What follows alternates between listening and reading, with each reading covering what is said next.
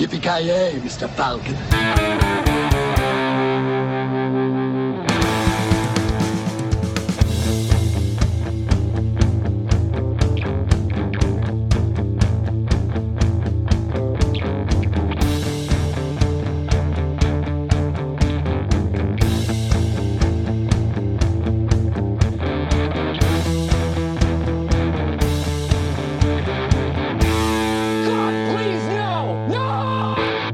Jajamensan gott folk, hjärtligt välkomna till ännu ett avsnitt av Creative Meltdown Podcast. Ni har med mig, Kalle. Joakim Avoya. Och eh, Kent. Yes, och eh, fortfarande ännu ett avsnitt utan Mr Granström. Men vi ska då prata lite om filmåret 2000 nu tänkt. Så vi har då tagit fram lite filmer som vi eh, ska prata om. Och så ska vi sammanfatta 2000 2000-talets år i filmvärlden där också lite. Kortfattat också om jag har fattat helt rätt. Så det blir ett underhållande och späck, fullspäckat avsnitt med andra ord. Vänta, vad i helvete är det här? Vad fan? Hörde ni det där också? Ja, jag hörde det där. Det lät som en stor explosion och någonting bara skiddade iväg. Det var fan Hörni grabbar!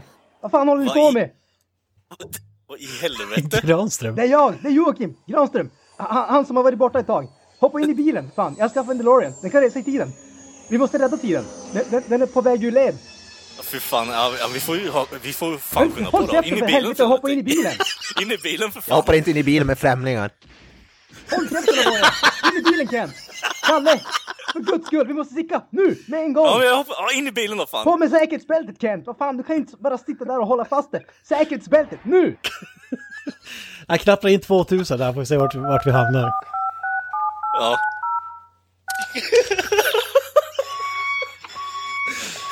Åh, Mr. Avoya skulle kunna hoppa ut i mitt knä här liksom. Det börjar bli lite... Ja, men det känns mysigt.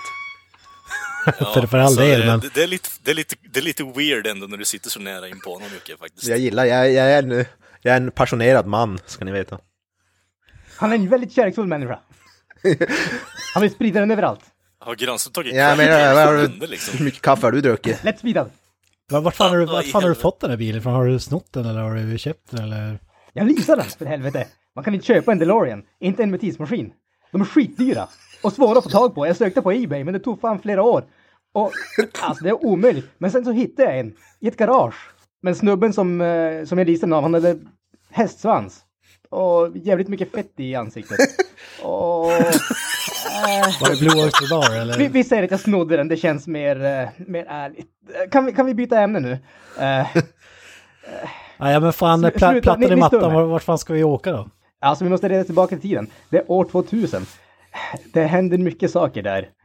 Året var grymt, alltså taskiga skor, Fruit of the Loom-kläder, färgerna var helt bizarra. Det är, alltså någonting är jävligt mysko med år 2000, men det känns som att vi är de enda som kan rädda året. Och framtiden. Det var sista, sista året som folk fortfarande lyssnar på E-Type också. E-Type går aldrig ur tiden eller folks öron. Han är evigt aktuell och säger aldrig någonting annat. Ja, ja det, det, det, bara kavla upp ärmarna och köra igång dem hamnar i tiden. det, det är fan tidslös musik alltså. Det finns ingen åldersdatering där. Okej, my bad, my bad. Förlåt E-Type, om du uh, lyssnar på det här. Ah, ja, pla, plattan i mattan, då, då kör vi.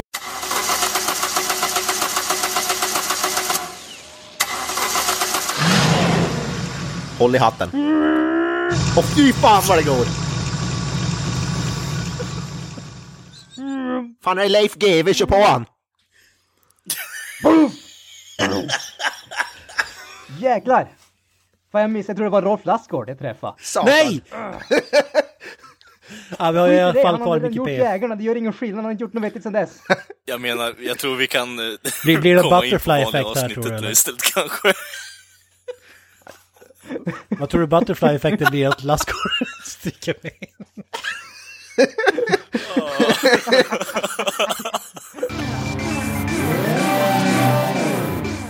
Jag vet inte fasiken vart de här Converse-skorna kom från. Mm. Fan, vad fick jag såna jävla cargo pants för? Fan, jag... Visst, jag lyssnar på Pantera, men det här är ju löjligt liksom. När fan! Fan Kent, dra upp byxorna, det är inte okej med häng. Var aldrig okej med Nej, häng. F- Fubo kommer aldrig bli omodernt. Så mycket kan jag säga. När fan fick jag hockeyfrilla? Jag fattar inte var det här kommer ifrån. 2000.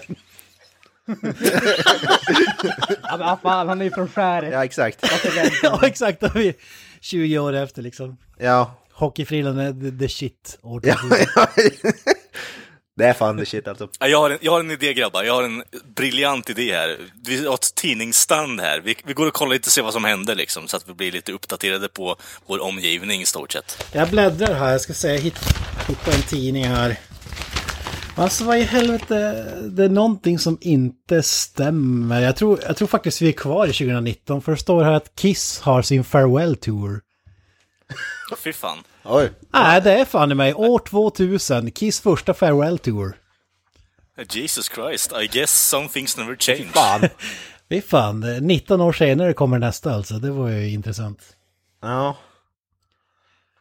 Det är nästan så att Gene Simmons inte har varit relevant på nästan 30 år. Det är ju fruktansvärt intressant faktiskt. Va? Yes. Helt bisarrt. Ja, vad fan. fan, jag, jag läser här, det var sista, um, sista året med originaluppställningen. Pågick till 2001. Den så kallade pre-cancer tour med andra ord, eller vadå? Oh, jeez. Ja, men vi, vi kan vara lugn, för den pågick till 2001 och de gjorde comeback 2002. Så, Det var... Pengarna tog slut snabbt med andra ord. ja, det står ju här att ja, han har Paul Stanley. Paul Stanley säger att eh, ja, någonting som kanske känns definitivt när man säger det ena dagen kanske inte känns så definitivt nästa dag. Eller 19 år till ja, exakt. Ja, då, då, då körde turnén, sparkade två pers och sminkade upp två andra och körde vidare. Som, Som mot inget som Ace Frehley och Peter Criss. Snö. Snyggt. Jag har suttit och tänkt på det där ett tag egentligen grabbar. Alltså, det, är det inte det där rent ut och skär, alltså bedrägeri när man tänker efter om de har två helt olika människor som porträtterar samma karaktärer där? Ja, ja. Det är ju falsk marknadsföring. Ja. Jag har aldrig förstått varför man inte bara kör nya figurer. Alltså, ja, exakt. Alltså, det är inte så att du kan ju utveckla, utveckla låren om du tänker efter i, i, i deras eget universum, men nej, vi, vi, folk är rädda för förändring. Vi kör på de här, det här är Peter Chris, wink, wink, nudge, nudge. underbart. Jag måste bara nämna, det, det här är ju 2019 men ändå. Paul Stanley har ju, man kan köpa, efter varje gig kan man köpa hans gitarr. Okej. Hur mycket går det på? Eh, Va? Han- har bara använt den gitarren på ett gig då antar ett, jag. ett gig, ja precis. Så ha, har du 18 500 dollar så den kan bli din. Dollar! Det är som hittat. Och, och själv, självklart så är det ju utan liksom axelbandet. Det, det kostar ju några tusen extra. Ja, just det. Ja. Ja, exakt. Självklart. Alltså, Men vi har ju, Ja, Gene alltså- Simmons vill inte vara sämre, så han- säljer sina basar. Mm. Dock för upp till 15 000 dollar. vi- Vilket är lite... Man kan tycka att det är lite snålt, men efter att Paul Stanley gick ut med det här så gick han även ut med att han ska sälja sitt svärd. Han kör en sån här eldslukningsnummer vid varje gig. just Och det. här, svärdet, det här svärdet är specialbyggt. Det ska liksom brinna och så är det en sån här olja som man sprutar ut. Och till den nätta summan av 12 500 dollar. Nej, inga står det någonting i den här tidningen? Står det någonting i den här tidningen kring hur mycket, många av dem där de sålde, Kent, eller? Ja, det här är ju 20, 2019 så det är oklart, men eh, det, det lär väl säljas så Okej, snart. okej. Och om man känner Gene Simmons rätt, om, man ska säga, om vi säger att det finns stort intresse, då lär jag väl köra eldslukningsnumret eh, tio gånger per konsert. eller? Ja. Jag menar, han måste ju liksom make up for the losses med The Vault. Han kommer att sä- sälja bassträngarna en och en. Ja, exakt. För 5000 dollar styck. Tusen styck. Stämskruvarna. Ja, precis. ja, men innan vi lämnar vårt favoritband Kiss så måste jag säga en ganska rolig grej. Det kan ju bli favorit i repris. Eh, som sagt, jag gjorde co- comeback här ett år efter Farewell-touren och The End of the Road Tour. jag lyssnade på Alex Room Service som är en podcast om Kiss, en svensk podcast som är jävligt bra. Typ eh, super-Kiss-expert. Kan jag rekommendera varmt. Om Kiss, det är en podcast om bara Kiss eller? Bara om Kiss. Eh, han han eh, tar fram sanningen om Kiss kan man säga. För han har ju bättre koll på Kiss än vad de har själva. Liksom The Vault har ju... Det är fel information om låtarna, vilket år de spelas in och sådär. Och, ja, det är jävligt kul alltså. Eh, och de, tänjer ju gärna på sanningen. Men han, han berättar ju då att när End of the Road är slut, den ska ju pågå i cirka tre år. Eh, året efter det så firar Kiss, jag tror att det var 50 år som band. Ja, Det är ju upplagt för eh, en eh, comeback där kan vi säga. ja just. Eller vad tror ni? Vi borde ha med den här snubben Alltså, som gäst, tycker jag. Jag, jag ser fram emot liksom sista Fair End of the Road showen i typ Las Vegas där liksom gigantiskt sista gången vi någonsin kommer tillbaka sen typ dagen efter 50, 50 year reunion tour Ja. starts tomorrow ungefär. ja precis. This is it. Här är, liksom, ja, här är bara greatest hits, liksom, skivan som vi släpper nu också. Ja. Och, så, och så vidare. Alltså, ja, jag vill, jag vill nästan eh, pick eh, den här eh, Kiss-expertens brain lite faktiskt. Och bara få svar på de här frågorna man kanske inte riktigt visste Ja, ja. om själv. Borde Ja, bjuda det in är honom. drä- drömgäst i podcasten måste jag säga. Ja, ja. Ja, Fy fan. Fa- fa- fantastiskt bra. Alex Room Service. Kolla upp den. Mm. Men jag bläddrar vidare här i tidningen. Eh, hittar någonting om eh, Napster här. Lars Ulrik. Eh, Ja, just det. Har ju tydligen det, fan gått, det. gått i taket här. eh. Eh, enligt den här pålitliga tidningen som hitt- hittat i papperskorgen här så eh, läckte ju I Disappear, låten till Mission Impossible 2, ut på Napster och inte nog med att den läckte ut på nätet, den läckte ut och det var en demo av låten, den var inte ens färdigspelad.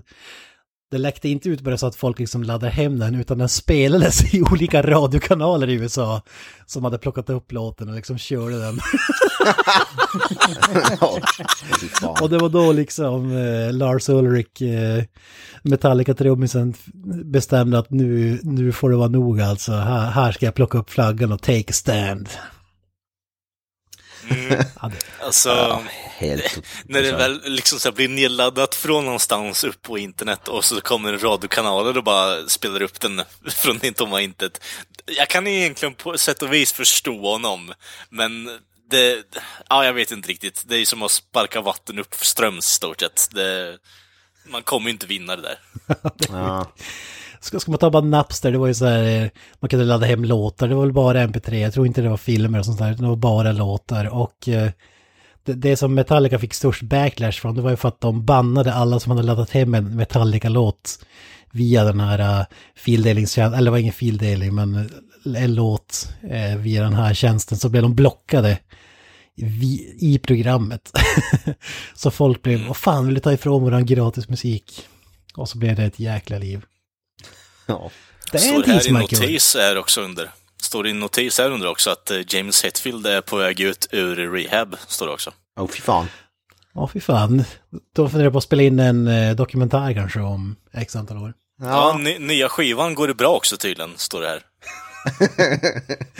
Ja, vi, vi kan ju, de, de som vill lyssna mer om det här kan ju lyssna på Some Kind of Monster avsnittet vi har gjort för x antal eh, avsnitt sedan. Ja, En det var- djupdykning. ja, exakt. Magiskt. Jag läser här också, eh, årets julklapp är ju tydligen DVD-spelaren. År 2000. Fan, jag måste fan skaffa en alltså. Vad, vad säger du Granström? Det, Ja, det här DVD är det shit. Ah, det var lite tidigt. Ja, alltså DVD var ju verkligen framtiden. Det, det går inte att säga annat. Det, det, alltså den här känslan att gå från ett stort åbäke till VHS-kassett till, ja, vad man då tyckte var en CD-skiva. Det var ju liksom samma storlek, samma allting där och liksom, vad fan ska det, ska man få plats med en film på det här? Hur fan går det till ungefär? Eh, det, var, det var jävligt annorlunda, måste jag säga. Och jag kommer ihåg, jag kommer ihåg alltså första gången när man gick på de här, uh, audio video heter det nu, jag kommer inte ihåg vad de hette eh, då faktiskt, jag har för mig att de hette någonting annat. Typ Euronics. Vad sa du? Var det inte Euronics det blev eller? Ja, det kan det Ja. ha varit. Expert kanske? Ja, expert var det nog, expert var det nog. Eh, vad heter det, och så fick man se de här DVD-filmerna och så var det ju så, alltså bildkvaliteten var ju verkligen i en helt annan klass än vad de här gamla utslitna VHS-grejerna var. Det var liksom, Det blir inte bättre än så här. nej men alltså det, det är liksom, det här är verkligen framtiden. Nu kan jag se liksom, de har ju ansiktsuttryck ungefär. Du skiljer vad som händer. Kommer du ihåg första Ja. DVD-filmen du köpte eller? Jag kommer inte ihåg den första DVD-filmen jag köpte. Däremot kommer jag ihåg den första DVD-filmen som, eh, som vi hade. Jag tror att jag berättade det här någon gång tidigare, men det var en, eh, den följde med när morsan köpte en sån här dator på personalköp. Som man hade way back when. Ja, ja, ja. Och då fick man med en, en DVD med US Marshals, alltså uppföljaren till The Fugitive med Tommy Lee Jones och eh, Wesley Snipes. Och det jag kommer ihåg kanske mest av den filmen, eller mest av den DVD-utgåvan, var att det var en sån här dubbelsidig DVD. Så man var tvungen att vända den mitt i filmen. Och Jesus Det har jag fan aldrig hört talas om. Alltså, man- Det där, Det- har jag bara det sett var- när man kunde välja mellan så här full screen och widescreen, att det var på varsin sida. Men jag tror aldrig jag varit med om att man måste flippa film mitt i filmen liksom. Ja, den var du tvungen att vända mitt i filmen. Åtminstone kommer jag ihåg det så, men jag ska erkänna att jag har inte sett den DVD-utgåvan sen typ, ja, 2000 det är ju en raritet alltså, om, om man har ta, får tag i den alltså. Den är nog värd, den är nog värd pesetas idag alltså. Kvalitet. Robert Downey Jr var också med där för den delen. Åh fy fan. Ja, just fan. Ja, det, det, är, det är en nice film. Jag- Jagad var ju bättre, The Fugitive, men... Tom Lee Ja, Jones var ju kul. bättre. Men jag tyckte det, den var faktiskt, den, den höll måttet tycker jag ändå. Den var långt bättre än jag trodde att den skulle vara. F- första DVD-filmen jag köpte, jag, jag köpte ju först, när, när DVD kom, då kostade en DVD-film typ så här 350 spänn. Så, så det, det var inte riktigt eh, i den budgeten man hade som ung, unga tonåren eller vad det, vad det nu var. Men när jag köpte min första DVD-spelare köpte jag även Mortal Kombat på DVD för 129 kronor. Ja, självklart. Bästa köpet jag gjort alltså. Nice. Det är lite klass. Ja. Vad säger ni yngre deltagare? DVD?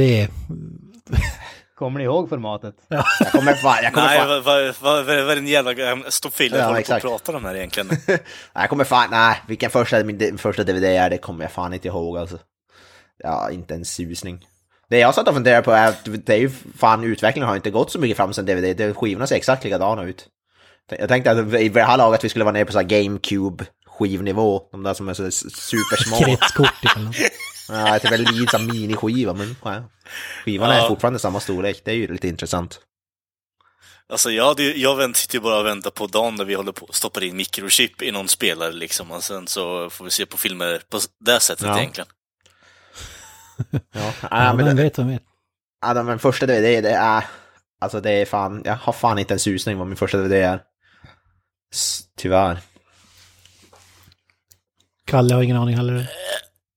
Jo, alltså, det är ju det, är det här med eh, långtidsminnet egentligen, det bakåt i alla fall. Eh, precis som när jag hade, vi hade VHS-avsnittet där egentligen. Det är fan... Eh, vi hyrde jävligt mycket filmer då också egentligen, fortfarande när det var DVD. Så jag kommer nog fan inte ihåg så här riktigt den här eh, upp... Eh, i slutändan som du och Granström verkar ha då. Att eh, helvete, man kan se när de squintar och skit liksom och, och så vidare. Men alltså, man märkte fortfarande att det fanns någon form av kvalitetsförändring vid en specifik tid i, sin, i sitt liv i slutändan då. Eh, Jag var ju bara åtta år eh, när vi har rest tillbaka nu, som vi stötte på mig kommer det bli någon form av ja. liksom såhär time rift i slutändan. Ja, och jag kommer bara, vad fan är det där för någon skallig jävel? Varför, varför har jag inte hår för? Men eh, nej, men jag kommer fan inte ihåg så här, exakt den här filmen såg jag först på DVD, men man märkte definitivt som du säger att det fanns någon form av kvalitetsförändring i slutändan. Och man, det största skillnaden var ju att man slapp att spola tillbaka skiten i slutändan när man skulle hyra den också. Kalle, Kalles åtta år, jag kommer se han nu, och så, så, fan, kommer, är jag döende av cancer eller vad är, vad är problemet? Ja, precis. Lepra. Är fan. Ja, ja, det, det, det finns ju andra eh, tidsmarkörer här. Som sagt, Nokia 3310 presenteras. Det var ju en klassisk telefon alltså. O, oförstörbar ägde, telefon. ja, precis. Jag ägde ju faktiskt en sån. Eh, Jag tror alla ägt en sån. indestructible Ja, som sagt. Jag tror fan aldrig jag ägt en 3310 ärligt talat. Så jag är kanske ens, ensam om det. Det var väl sist Nokia var aktuellt också, väl år 2000. Ja, tidigt ja. 2000 i alla fall. Jag kommer ihåg versionen efteråt också, där man hade lite mer avancerade spel. Men 3310 var ju liksom den man ja, blev introducerad i mobilvärlden i alla fall. Jag eh, hade ju ett sånt här fräckt eh, Coca-Cola-cover på den också. Ja, just det. Skalen kunde man byta jäkligt enkelt. Ja. Ja. Så det var ju, så, det var ju så grejer man hade på skolan, att bara ah, vad, hur, hur ser din mobil ut då? Ah, jag har Coca-Cola, vad har du då? Ah, jag har Hello Kitty och så vidare. Och så vidare. liksom det sticker ut på det och spela Pokémon Blue och massa annat skit liksom. Så det, det var mitt tidigt 2000 i alla fall. Eh, Ja men det var även så här, Filip och Fredrik gjorde tv-debut. Det är ändå i Hello Sydney. det var under så här eh, OS 2000 med Christer Ulf Båge där eh, typ Christer Ulf Bo- Båge pissade på dem hela tiden för att de satt vid en dator och läste upp så här. eh, Det, det var ju en grej tidigare, man, man hade en i studion som bara läste upp så här kommentarer från folk på nätet för det var ju så häftigt att med datorer och internet. Ja, precis. Kommunicera direkt. Ja. Ja. Det var ju värsta sortens skit alltså. eh, en biobiljett kostades 70 kronor. Jesus. Ja, Det var ett tag Det är så sedan. dyrt då. Ja, det var snittpriset för SF i alla fall. Jag tror att här i eh, biotrean var givetvis billigare tror jag. En, Jag skulle tro 65 spänn skulle känna jag kän- känns väldigt bekant för min del. ja, ja, jävlar vilken skillnad det är. Fem spänn. Ja, jävligt stor. Och nu är, det, nu är vi uppe i... Man behöver bara sälja Dubbla. några biljetter så har man ju kommit upp i Gene Simmons eh, vinster så att säga. Ja, exakt. Ja, men känner vi no- nog med tidsmarkörer. Vi, vi ska även prata om eh, varsin film här från eh, år 2000.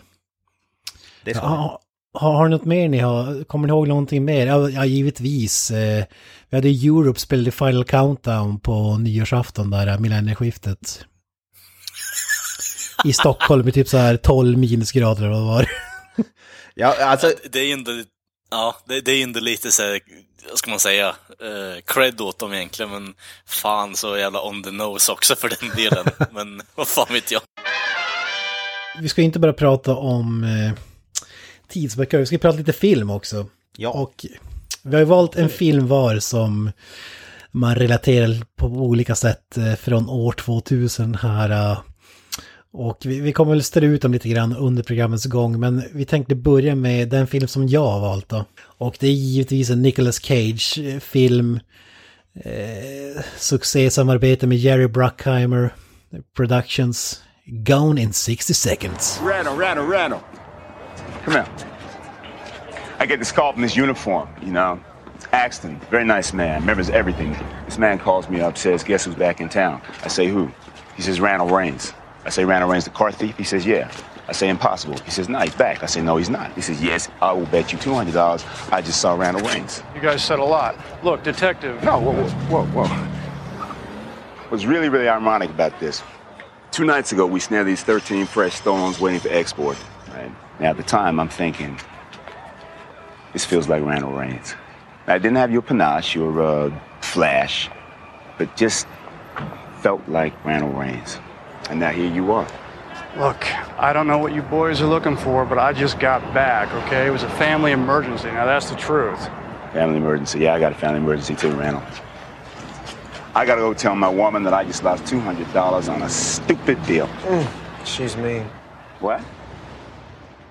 She can be mean. På den tiden när Nicolas Cage fortfarande valde bra roller och så vidare. Ja, det, man kan ju säga det, det här var ju innan Nicolas Cage blev den liksom galningen som många känner honom idag. Alltså, här var ju typ Oscarsvinnande Nicolas Cage, fast han var ändå på gränsen till, han- började lite smått. eh, Jag skulle säga att i slutändan så handlar Nicolas Cage karriär om att folk, och i och med internet, att folk blir mer och mer medvetna om att han är batshit crazy i slutändan. Ja. Ja, man gjorde så att tre år tidigare gjorde han liksom Face-Off, eh, magisk film. Eh, Oh ja. Samma år Con Air, och året innan det The Rock. Alltså det var ju många riktigt bra filmer. Det var ju verkligen den tiden han var on top of the world så att säga. Alltså det, det var ju verkligen höjden på hans karriär, kanske både om man säger fame-mässigt men även eh, skulle jag nästan påstå kritikermässigt också. Alltså de där filmerna, även om det inte var liksom fem, fem av fem filmer så var de ju extremt framgångsrika. Även om man säger det kritiskt sett. Ja, ja.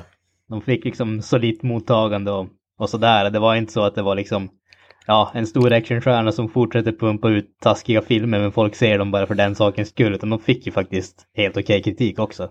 Jo. Ja, han, han vann ju en Oscar fyra år tidigare med Leaving Las Vegas, bästa hu manliga huvudroll. Ja, just det. Ja. Så, så han var ju... man man kan väl säga lite att kva- kvaliteten sjönk väl efter, eh, eller tidigt 2000-tal där började väl komma de här eh, filmerna som man kanske tänker på idag. Men det var väl efter National Treasure där eh, 2004 som jag skulle vilja säga att det började eh, gå Ja, det började så. Ghost Rider, Ghost Rider. Ja, Ghost Rider, men det var ju ganska bra mycket senare än National Treasure. Ja. Var det verkligen det? Ja, det var ju, den, den kom ut så här 2007 eller 2008 eller något. Så, så Nicolas Cage här var ju liksom, det var ju en topp, eh, toppskådis ändå. Och eh, den här filmen, det är liksom, bara, lite kort, det är, en remake av en film från 70-talet som, med samma namn. och de har väl inte så mycket gemensamt förutom titeln och eh, att det är ett gäng som ska sno bilar. Det är sjuk cast på den här egentligen. Alltså, du har ju typ eh, James Duval, eh, kanske inte den bästa skådisen men eh, Ja, men ändå rätt, inte dåligt även. Angelina Jolie, William Lee Scott, Robert Duvall, kung. Timothy Olyphant är ju med. Ribisi. Ja, då, då hade ju, och så två snutarna i filmen, Timothy Olyphant som du säger, Ja, exakt. är ju, Mm. blev ju ganska stor sen med, gjorde Justified och det här. Men framförallt så är ju Delroy Lindo eh, magisk jävla skådespelare. Han, han är som en blandning av Samuel L. Jackson och Denzel Washington. Alltså, han har ju Sam Jacksons munläder och Denzel Washingtons sådär badass eh, grej. Handlingen i filmen är ju då att eh, Nicolas Cage spelar en sån här Las Vegas bästa biltjuv som, som har lagt av innan han åkte i fängelse eller, eller sådär. Han har börjat eh, jobba på någon sån här gokartbana med ungar eh, långt bort i en helt annan stad. Jag tror inte det framgår i vilken. Men hans yngre bror följer hans fotspår då, men är ju en fuck-up. Eh, sp sp spelas ju av Giovanni Ribisi. Han ställer till det så han... Eh, då De, håller på att sno, de ska sno 50 bilar, en, en beställning och de har hunnit kanske en fjärdedel. Då gör ett misstag så att snuten hittar det här stället och beslagtar alla bilar. Och för att betala tillbaka den här skulden så måste eh, Nicolas Cage eh, göra comeback då. Eh, och hjälpa honom att sno eh, 50 bilar på fyra dagar, annars dödar de hans brorsa för att den där beställningen måste gå igenom. Så det är ingen superhandling kan man inte säga.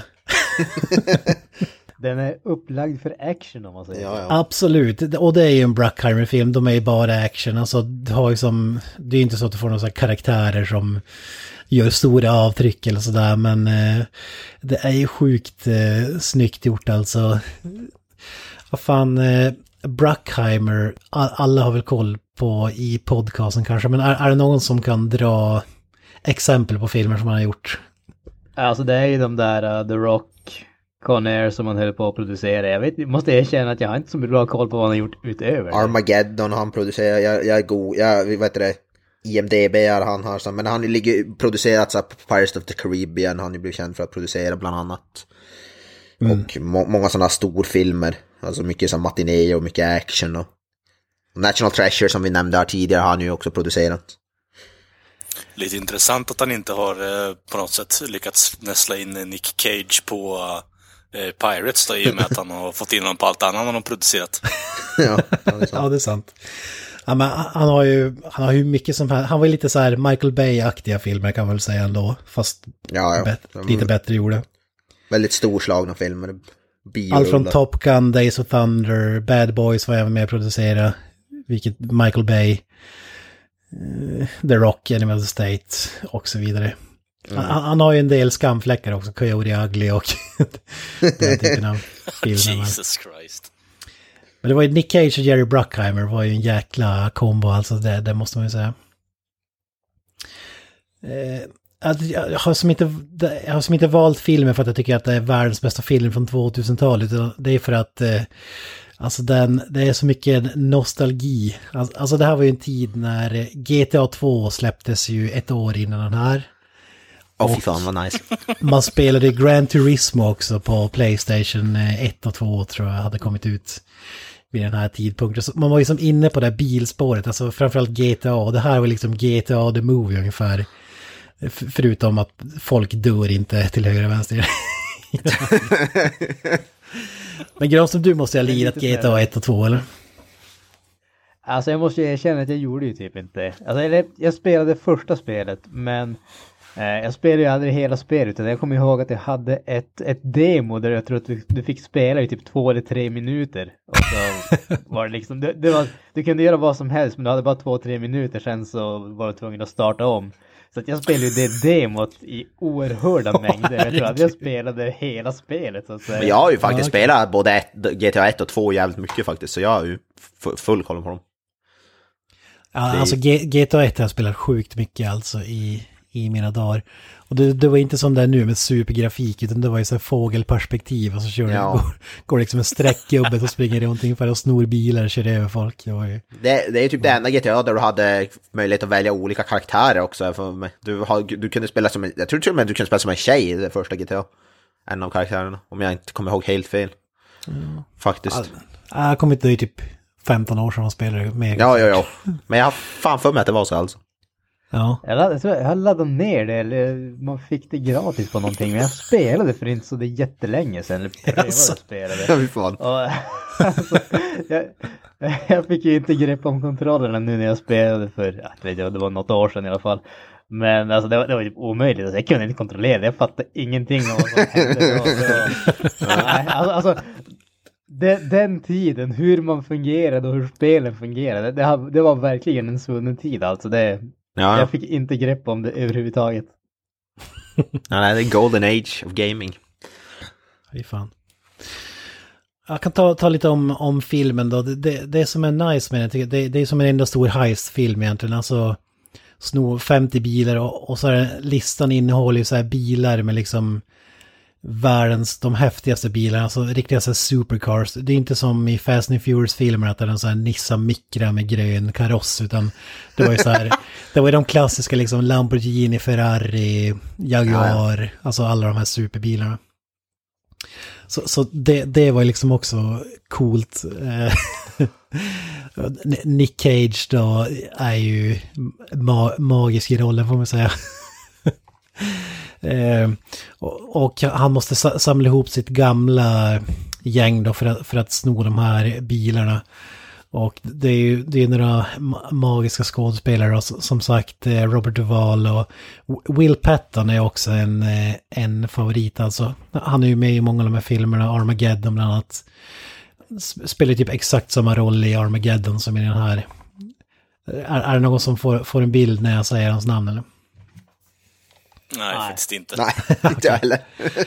Han ser ut som en yngre version av Robert Duvall kan man säga. Men anledningen till att jag, jag och en polare såg den här filmen, alltså det var typ så här vår go-to-film på tidigt 2000-tal. Och, och varför vi älskade den var ju de, dels det här GTA-inspirerade grejen, men även, det var ju Vinnie Jones. Eh, Ja, just det, Willy Kung. Just det, han var väl typ stum var han inte? ja, Eller De trodde att han var stum men han sa någonting i typ slutet av filmen. spoiler alert. Ja. Ja, men vad fan. Filmen är 19 år gammal, helvete. Skärp dig nu. Ja, men vi, vi hade ju sett Lockstock and Two Smoking Barrels som var fantastisk jävla film. Det var hans första film och för den som inte vet vem Vinnie Jones är så är det ju... Det var en av fotbollens största galningar. Han var ju back i Wimbledon, the crazy gang som de kallades för att de var så jäkla psycho. Han liksom slog ju ner skallade folk och liksom... Han, han, han ser så brutal ut, det är det som är så coolt med honom. Eh, han, han var ju även med i Snatch år 2000 också, också en film som är riktigt bra, Guy Ritchie-filmen. Men i, i den här alltså, det, det var ju så jäkla coolt att se honom i, i en filmroll. Vi var ju riktiga fotbollsnördar. Plus diggade Nick Cage, så det var väl därför. Hans roll i den här är så magisk. Som du säger, en stum kille som jobbar på ett bårhus och i första scenen tar han så en tugga av en macka och så får han telefonen och lägger mackan på ett lik och går och svarar. ja, riktigt Jag kommer fan ihåg det alltså. Ja, han, han är ju bland höjdpunkterna i filmen, alltså riktigt magisk. Och, och det, det är det det här är, det, det är liksom en eh, underhållande film, så här, eh, vad ska man säga, fun ride, eh, eller vad ska man kalla det, det är ju inte så här eh, bästa handlingen eller bästa skådespeleriet, men, eller bästa karaktärer, men det är just att det är så jäkla bra skådespelare, häftiga, eh, eller roliga sådana här sidoskådespelare som gör att, att filmen lyfter tycker jag. han är ju brutal så att säga. Fan, jag läser här i rollistan, Michael Peña är med. Han, han kan ju, fan, det måste ju vara en av hans absolut första filmroller alltså. Jag, jag trodde också det, jag kollade upp det, han har en sjukt, han har en sjukt liten roll, men han dyker upp som en sån där gangbanger typ. Ja. och, eh, men han hade gjort massa, varit med i massa tv-serier och sådär innan, men, men det kanske var en av hans första filmroller i alla fall. ja. Eh, Ja, men, men twisten här, de ska sno bilen, det är dels har de ju snuten efter sig med Timothy Olyphant och Delroy Lindo. Och sen har de även ett rivaliserande gäng som vill, eh, eh, ja i princip döda Nicolas Cage för att han har snott eh, dessa konkurrens om jobben mot sno bilar. Eh, men det har ju skurken i den här filmen, det är en sån här klassisk brittisk skurk, eh, Raymond Calitri, Christopher Eccleston. Eh, Han har tydligen spelat Doctor Who i massa säsonger tidigare, men han var även Malekith i Thor The Dark World. ja sämsta Marvel-filmen kanske som, som har gjort. Och skurken i G.I. Joe Rise of Cobra, den, den snubben som blev Destro till slut.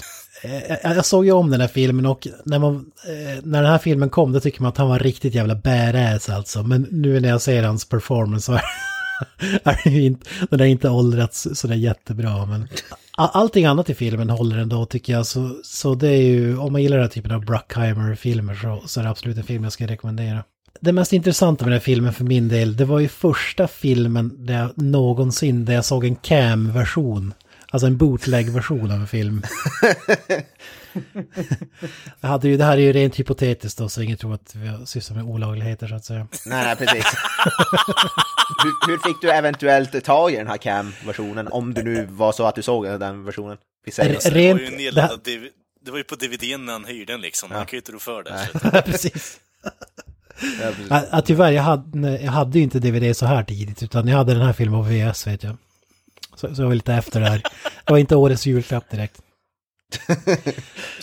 Men det var ju, rent hypotetiskt så var det ju en eh, klasskamrat som liksom eh, hade, det här var ju under tiden, det fanns ju liksom inte bredbandsmodem utan det var ju typ 56k-tiden. Men eh, som var en sån superdata-hacker som hade en supermodem, jag tror att det var 128 om jag minns rätt, K. Åh fy fan. Det var, ju- det var ju liksom lightning speed fast. Ja, ja, Han precis. behövde bara vänta två dagar på Ja, det tog, det, tog, ja, det, tog bara, det tog bara en vecka att ladda ner en film, inte, inte en månad. Ja, exakt. Men då, då kunde man köpa filmer för typ så jag tror att det var typ 20 spänn eller 50 spänn eller någonting. Kunde man köpa, då brände han ut, eh, rent hypotetiskt alltså, Ja. eh, fil, filmen och så, och så fick man kolla på den. Det här är preskriberat vid det här laget, det är lugnt. ja. Och re, rent hypotetiskt så var det ju en magisk version för att en cam-version av någon som är mot förmodan som inte vet det, det är när någon tar med sig en filmkamera in i en biograf och filmar av filmen så ljudet är bedrövligt och det är inte säkert alltid ute i skärpa alltid och dessutom får du så här äh, om det är någon som pratar inne på bion så får du med det och typ och den här var ju så här folk När det är någon som går upp för att pissa. precis folk ställer sig upp och du, och du ser inte hela skärmen liksom. Man hör folk garva och sånt där. Och du lek, spelar tävling med att han som filmar inte har Parkinsons också och förstör liksom eh, stabiliseringen av filmandet. Ja. ja, exakt. Någonting rent- rent, hypo, rent hypotetiskt ska jag säga att det kan vara bara någon månad sedan jag såg en cam-version av en film senast. Rent Hoppsan. hypotetiskt. Det lever än alltså. Vad sa du? Det lev, fenomenet lever än så att säga. Ja, det gör fan det. Rent hypotetiskt, vad, vad har ni för erfarenhet av, av det här? Rent hypotetiskt så har jag sett faktiskt, jag måste ha sett en och annan cam-version av filmer i sina dagar. Rent hypotetiskt. Rent hypotetiskt så är det ju ganska, alltså risken är ganska hög att man har gjort det egentligen. Ja. Om vi ska vara fullt ärliga liksom. Det, nu säger jag inte att jag har gjort det, men rent hypotetiskt så kan man kanske ha gjort det. Ja, någon gång kan det hända. Chanserna ligger i ens favör om man Ja, säger så. kan man ju lugnt säga. Rent hypotetiskt kan vi säga att jag kanske eventuellt hypotetiskt såg Mumien med Brendan Fraser som den första och jag tror Oj, oj, oj. den enda filmen jag sett en cam-version av. Åh fy fan. Fan. Det var stort. Ja. Vad, vad säger du Granström, rent menar- hypotetiskt, det var väl lite spännande där att eh, man fick se någonting som inte hade kommit ut på VS eller DVD än. För att det var ju en tid när det tog minst ett år innan en film kom ut på home video så att säga. Det, det var lite coolt. Det tog ju... Ja, ja men det var, det var det, så var det absolut. Det, tog, det var ju den här tiden när det tog väldigt, väldigt länge. Dels innan grejerna kom på, på VHS. Efter att de hade gått på bio. Men sen också var det att vi faktiskt fick filmerna kunde ta ganska lång tid det också. Så att eh, det, det var ju det här att när vi väl hade fått filmerna där de då, då, då hade de funnits och gått förbi resten av världen ungefär. Så att det var ju absolut någonting som var extremt häftigt. Det var alltså just den här att Oj fasiken, liksom filmen har inte börjat gå på bio här än men den går att ladda ner Ja. i en värdelös usel version. Ja, men man kan se den och det var ju liksom, det var, det var fan häftigt. Nu idag kan man få en film i Blu-ray-kvalitet samma dag den kommer på bio liksom. Rent Det är inte hypotetiskt. hypotetiskt såklart. Jag vet inga, jag har inga erfarenhet av det här själv, men jag har hört. Through the, through the grapevine. Yes, Skulle ska vi... eh, hypotetiskt aldrig spendera en hel månadslön med att eh, köpa sådana saker. Nej. Rent hypotetiskt, ska vi eh, gå vidare från den här biten och eh, fortsätta med Kents film eller? Jag tyckte det var skitintressant. Ja men re- rent hy- hypotetiskt så rollistan i, i 60 Seconds of 2000 den är ju fan... Alltså då är Angelina Jolie har, de gör ju ingenting med henne alltså. Jesus Christ vad dålig roll hon fick. Det, det var ett jäkla... Det, finns en jävligt märklig scen där, det är Nicolas Cage ex då, som givetvis också är så här mästare på att sno Ferrari-bilar tror jag att det är. Helst Ferrari-bil också. Så, så när de ska sno bilarna då, då handlar det om så här eh, en love scene inne i en bil. Och då håller liksom Nicolas Cage på att eh, hans dirty talk under akten är typ så här ah, diesel, revving engines, du vet så här. Alltså, vad Massa bilgrejer. Ja, jävligt 200 hästkrafter. Alltså visst är det i den filmen där hund, en hund som äter upp en bilnyckel. Ja, precis. Och och de ska köpa laxermedel för att eh, hunden ska liksom skita ut. Åh, fy fan. kvalitet. Ja. ja. Inget cringe alls. Det var 2000. Jag må- måste säga... Det var inte Ja. cringe då. måste säga soundtracket är ju riktigt bra också. Alltså det, det finns ju få soundtrack som är så daterad till den här Eran. tiden alltså. Ja, det har ju så här Moby-låtar, Flower-låten är ganska känd. Eh, The Rock Wilder med Method Man. Eh, eh, ja, det, det är mycket så här DMX-låtar och... um, magisk skådis. Ice gitarr. Cube. Apollo 440, Stop the Rock. Alla som har spelat Fifa på sent 90-tal vet jag snackar om då liksom. Ja men det, det är faktiskt riktigt bra. Det, låtarna passar till, passar jäkligt bra till filmen. Lowrider också, den där klassiska låten. A War det, det, är en av de bästa scenerna. Så in, inför varje gig så har så här Nicolas Cage en tradition om att de ska spela den låten och alltså typ. så typ... Står de så här och typ diggar och blundar och så sen gör Nicolas Cage någon så här rörelse med händerna och bara Let's go! ja, det var så jävla coolt! Ja, det var så jäkla coolt. Och det var, ja, det kan jag nämna också. Den här filmen fick ju, det blev ju en av mina favorit eh, bilar. för bilen är så jäkla cool, den här Shelby GT 500 från typ så här 67 eller 66. Eh, den är så ikonisk och jag tror att många förknippar den bilen med den här filmen för att det finns en bil då givetvis av den här, exakt den här modellen som de kallar för Eleanor. De ger ju alla bilar täcknamn för att när de pratar på radion och så här, ja, Eleanor is coming in. Eh, och den här bilen har, har, är enda bilen som Nicolas Cage aldrig har lyckats sno. Det har alltid gått snett när han ska sno den, för att det är hans favoritbil också dessutom. Och det finns ju, en, i slutet är det så här, filmen bygger upp till en lång biljaktscen där Nicolas Cage har tusen snutar efter sig och ska försöka köra ifrån dem med den här bilen. Som är jävligt episk alltså. Är det någon som känner igen bilmodellen eller? Är det bara jag? Jag känner igen bilmodellen men jag kan inte komma ihåg hur den ser ut bara på, men jag känner åt namnet att eller modellbeteckningen. Det är typ samma bil som om man har sett Bullet med Steve McQueen. Det är typ en sån bil, den typen av modell. Som också är en riktigt bra film tycker jag. Ah, ja, det, det är bara jag som känner igen den, men det, den är brutal den bilen alltså. Det, fan, än idag skulle jag säga att det är den coolaste bilen jag sett. Typ. Nice. Men nog om det. Vi ska lämna Gone in 60 seconds och gå vidare. Innan vi går in på era filmer kan vi dra lite box office, vad som gick bra box office. Eh, box office USA, alltså domestic. då gick ju How the Grinch Stole Christmas bäst. Jim Carrey. Jim Carrey-filmen, ja. Ja, det, det är lite oväntat ändå. Följt av Castaway, Alltså- Mission Impossible 2 och Gladiator. Jag tänkte säga Gladiator måste jag dra in jävla med massor med pengar. Eh, X, Förvånad över att den kom så långt. Ja, jag med faktiskt. ja. Men eh, följt av eh, Vad kvinnor vill ha med Mel Gibson. Ja, fy fan. Den är ju fan bra här för mig. Åtminstone hyfsat Men det är kul. små och kul. ja. Då, då var den i alla fall småkul Och jag. nu, det, här, eh, det är ju roligt, det ska komma om det i år eller något, ska det komma en, såklart en kvinnlig remake på den. Ja, Men en kvinna What som want. det är det som, ja det är så jävla sjukt alltså. Vad magiskt. män vill ha. Ja, men det, Nej, alltså skulle, skulle, skulle det vara en film som är gjord idag, då skulle det vara vad kvinnor vill ha, men det skulle vara typ en lesbisk trans någonting, någonting. ja, exakt. Ja. ja, jag vill lämna det här uh, social justice-snacket. Nej, jag tycker vi fortsätter på det temat. Hela, Det, det är rätt intressant när, man, när man kollar på worldwide då, alltså totalt eh, över hela världen inräknat, inräknat USA också. Då toppar ju John Woo eh, box office med Mission Impossible 2. Ja, ja. Fy fan. Jo, men som 546 sagt, det är miljoner. Vi har ju pratat om den här filmen innan och den är ju, enligt mig i alla fall, den Magisk. bästa Mission Impossible-filmen. I alla fall med tanke på många gånger jag sett den. Så. Ja, det är många som sätter den som den sämsta, men jag tycker fan om den också. Mycket på grund av John Woo, duvor och så vidare.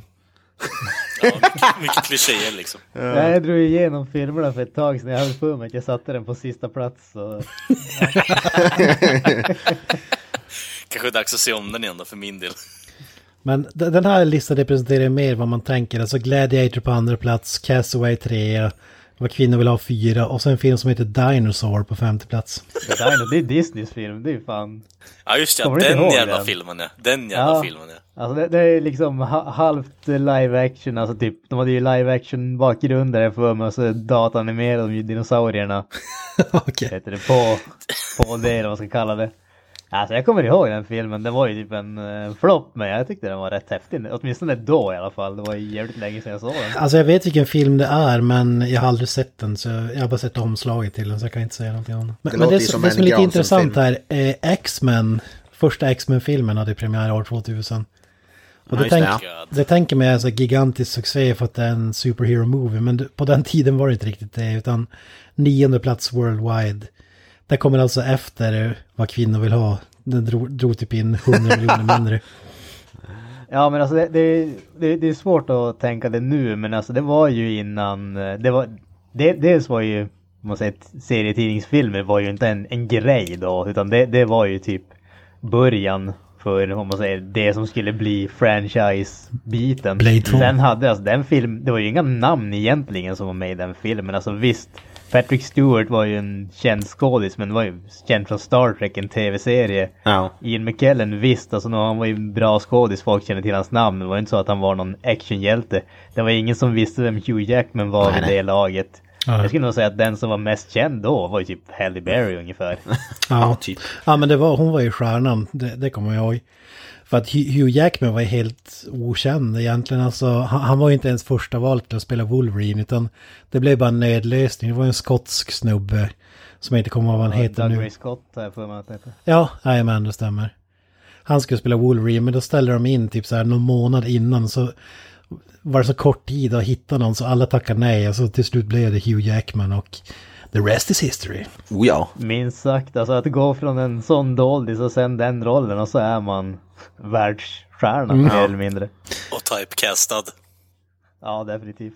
Vad, vad, vad Alltså, säger de- du om första X-Men-filmen lite kort? Alltså det, den har jag ändå lite respekt för. Det, det, det, den kanske inte åldrats så jättebra, men, men då Nej. tyckte jag fan att den var bra. Alltså, och, och den handlar ju inte om så här äh, som alla Marvel-filmer gör idag, utan då är lite mer, det är lite mer så politiskt tänk i X-Men-filmer, i alla fall om tidigare.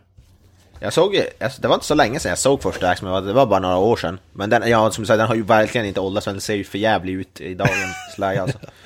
Men den är ju fortfarande en bra film och eh, Hugh Jackman är ju, eh, ja, han var ju faktiskt bra redan då som Wolverine tycker jag. Och vi hade ju, vad heter han som spelar Sabretooth, den här wrestlern eh, också. Triple H? Nej, Tyler Main. Tyler Main tror jag. Triple H hade varit magiskt. Nej, Triple H var ju med i Blade Trinity. Det var därför Ja, just ja, det var Ja, han ja, för fan. Tyler Main tror jag han heter. Sabretooth i alla fall. Men det är, som, det är en bra film. Jag, jag tror inte jag såg den då när den kom ut. Jag tror jag såg den ett bra tag efter. Men det är ju en riktigt, det är en riktigt bra superhjältefilm. Det är det ju faktiskt.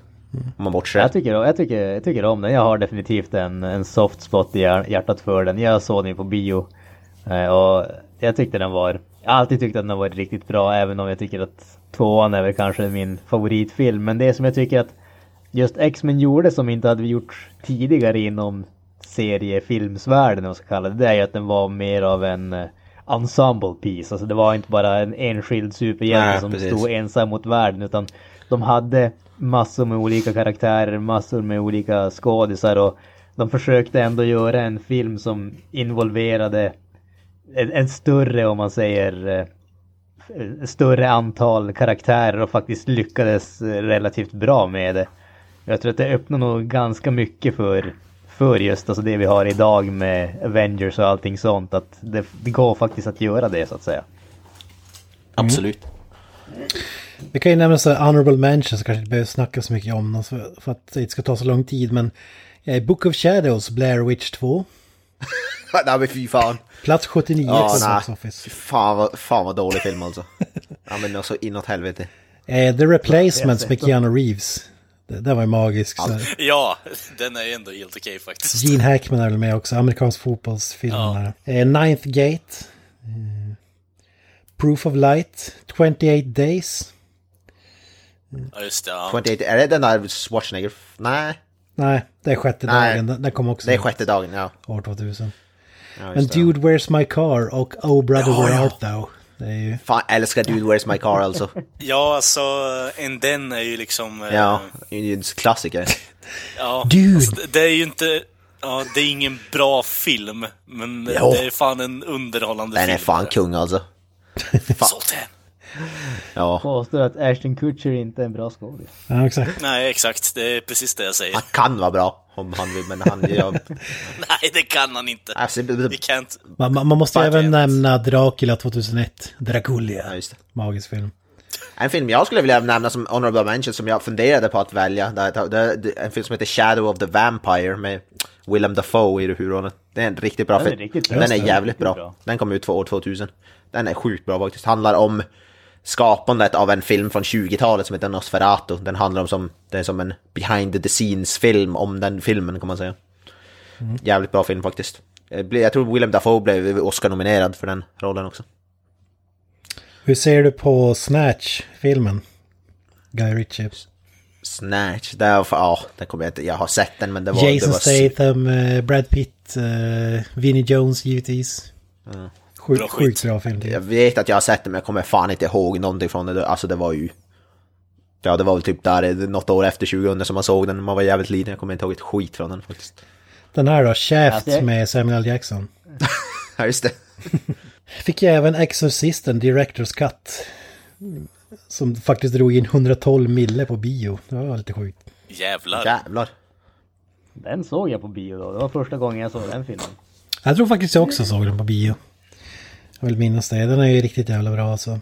Det är en bra film. Men den, det är inte en film man förknippar med 2000-talet eftersom den kom ut, den hade- den var typ 30 år gammal då. Eh, jag avslutar med en film som är Ride Up Granströms Alley. Big Mamas House. Nice. Oh, yeah.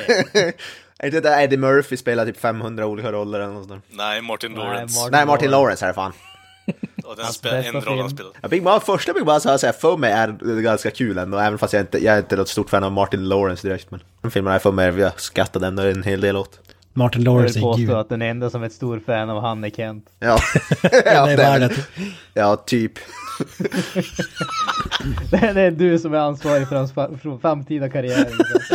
Vad- den där, vad fan den där filmen, vad heter den? Blue Streak, det är typ din Kents favoritfilm. Alltså helt, den är så sjukt bra. Alltså, om man inte har sett den så kolla in den Blue Streak. You don't get that kind of training at the academy. Bill Paxton, fan gud alltså. Oh Jesus Christ. Ja, ja. Men jag tycker att vi gör så här. Vi hoppar vidare och snurr eh, hoppar in i Granströms filmval. Vad, vad har du valt för film att snacka om? Så jag, jag vill ju göra så här, alltså tänk er nu. Granström, 15 bast. uppvuxen på Schwarzenegger, Stallone, Van Damme. Action är livet. Men senaste åren så har det funnits någonting annat i världen. Någonting nytt, någonting spännande. Det är ju alltså Bruce Lee, Jackie Chan, Jet Li. Jag har upptäckt Hongkong action. Kampsporten är ju, upptar ju liksom hjärnan. Jag tränar inte själv men det är liksom det häftigaste som finns. De filmerna, akrobatiken, koreografin. Wow. Så. Jag får hört talas om en film. Den heter Crouching Tiger, Hidden Dragon.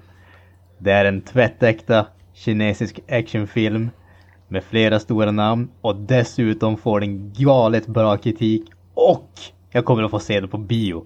Jag kommer att få se den här filmen på bio. Alltså jag har aldrig någonsin haft möjligheten att göra det.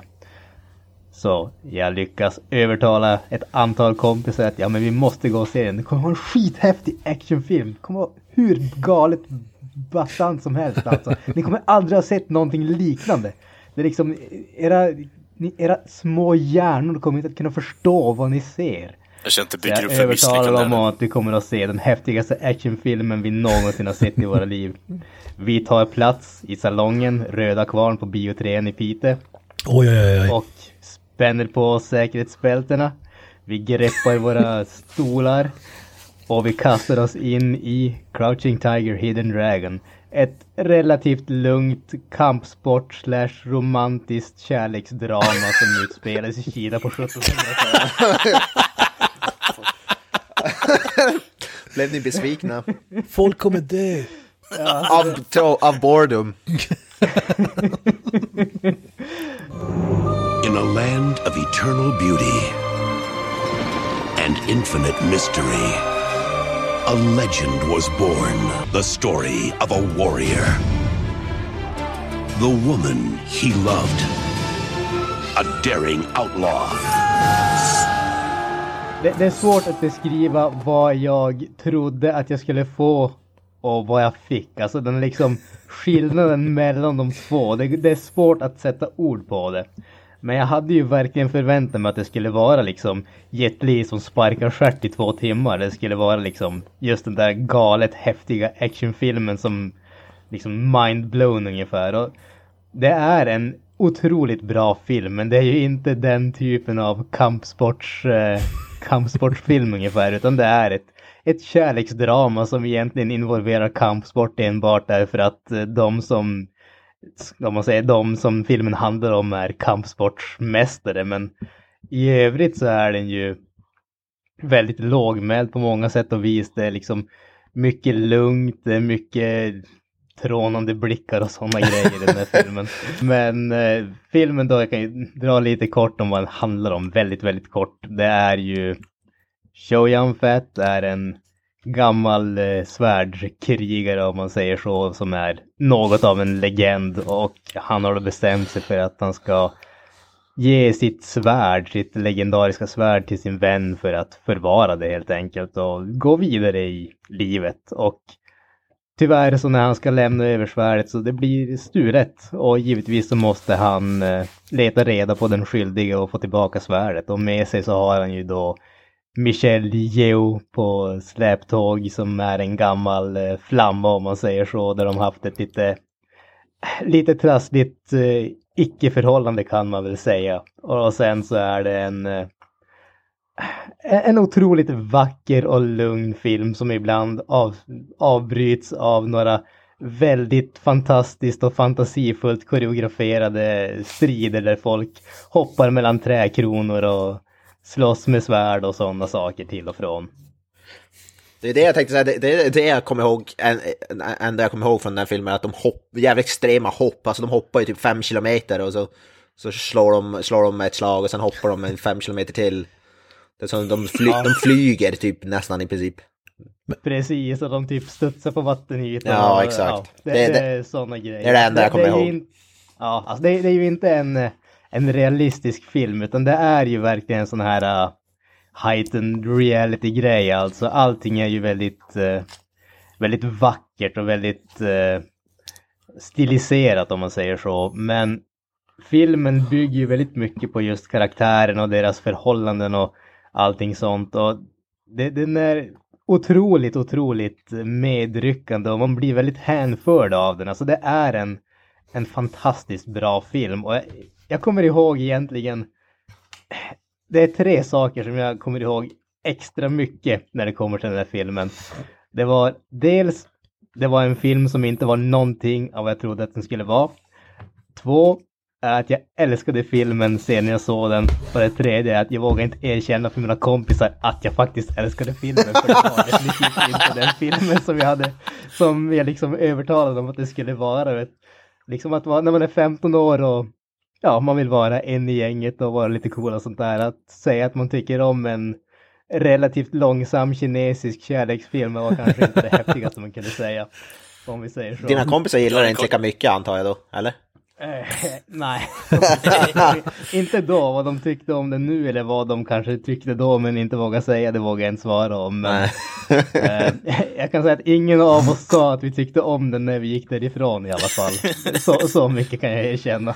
Jag har en lite kort följdfråga här bara. Eh, hur lynchad blev du av dina vänner efter att du hade hypat upp den här filmen till skyarna? Ja, ja, exakt. Jag tror inte att jag blev så speciellt lynchad. Däremot vet jag inte om jag lyckades övertala dem att gå på bio speciellt många gånger. Du måste göra det här Jag nya... brände ditt eh, förtroende. Alltså. Men, men alltså som du säger, alltså marknadsföringen för den här filmen, det var ju att det var en sån här Hongkong utflippad eh, kung fu-film liksom. Som säger hopp, sjuka hopp och studsar och snurrar och med svärd och grejer. Alltså. Men jag, jag måste erkänna att jag faktiskt aldrig sett klart den här. Jag, jag har bara sett början och då var jag ändå ett superfan av Chow Yun Fat, eller hur man uttalar skådespelarens namn som var en sån här John Woo-favorit. The, Killer är en av mina absoluta favoritfilmer. Den är ju magisk. Alltså, det finns ju många som helst. Men eh, just det där att det inte var, som du säger, den här utflippade kung fu-filmen gjorde en besviken. Alltså. Alltså, jag, jag hade ju definitivt samma förväntningar där. Det var ju just uh, Show Young Fett som du säger, The Killer och Better Tomorrow-filmerna. Alltså, det, det var ju liksom legendarisk för den typen av action. Michelle Yeoh hade ju varit med i ganska många filmer, bland annat dykt upp i Police Story-filmerna som Jackie Chan hade gjort också. Så det, man hade ju den här, uh, den här förväntningen. Men samtidigt så tycker jag att Alltså det, det, var ändå någonting speciellt med den. Den hade en sån där uh, det-känsla den här filmen för mig. Jag tyckte om den redan från första början, även om det inte var den filmen som jag trodde att det skulle vara.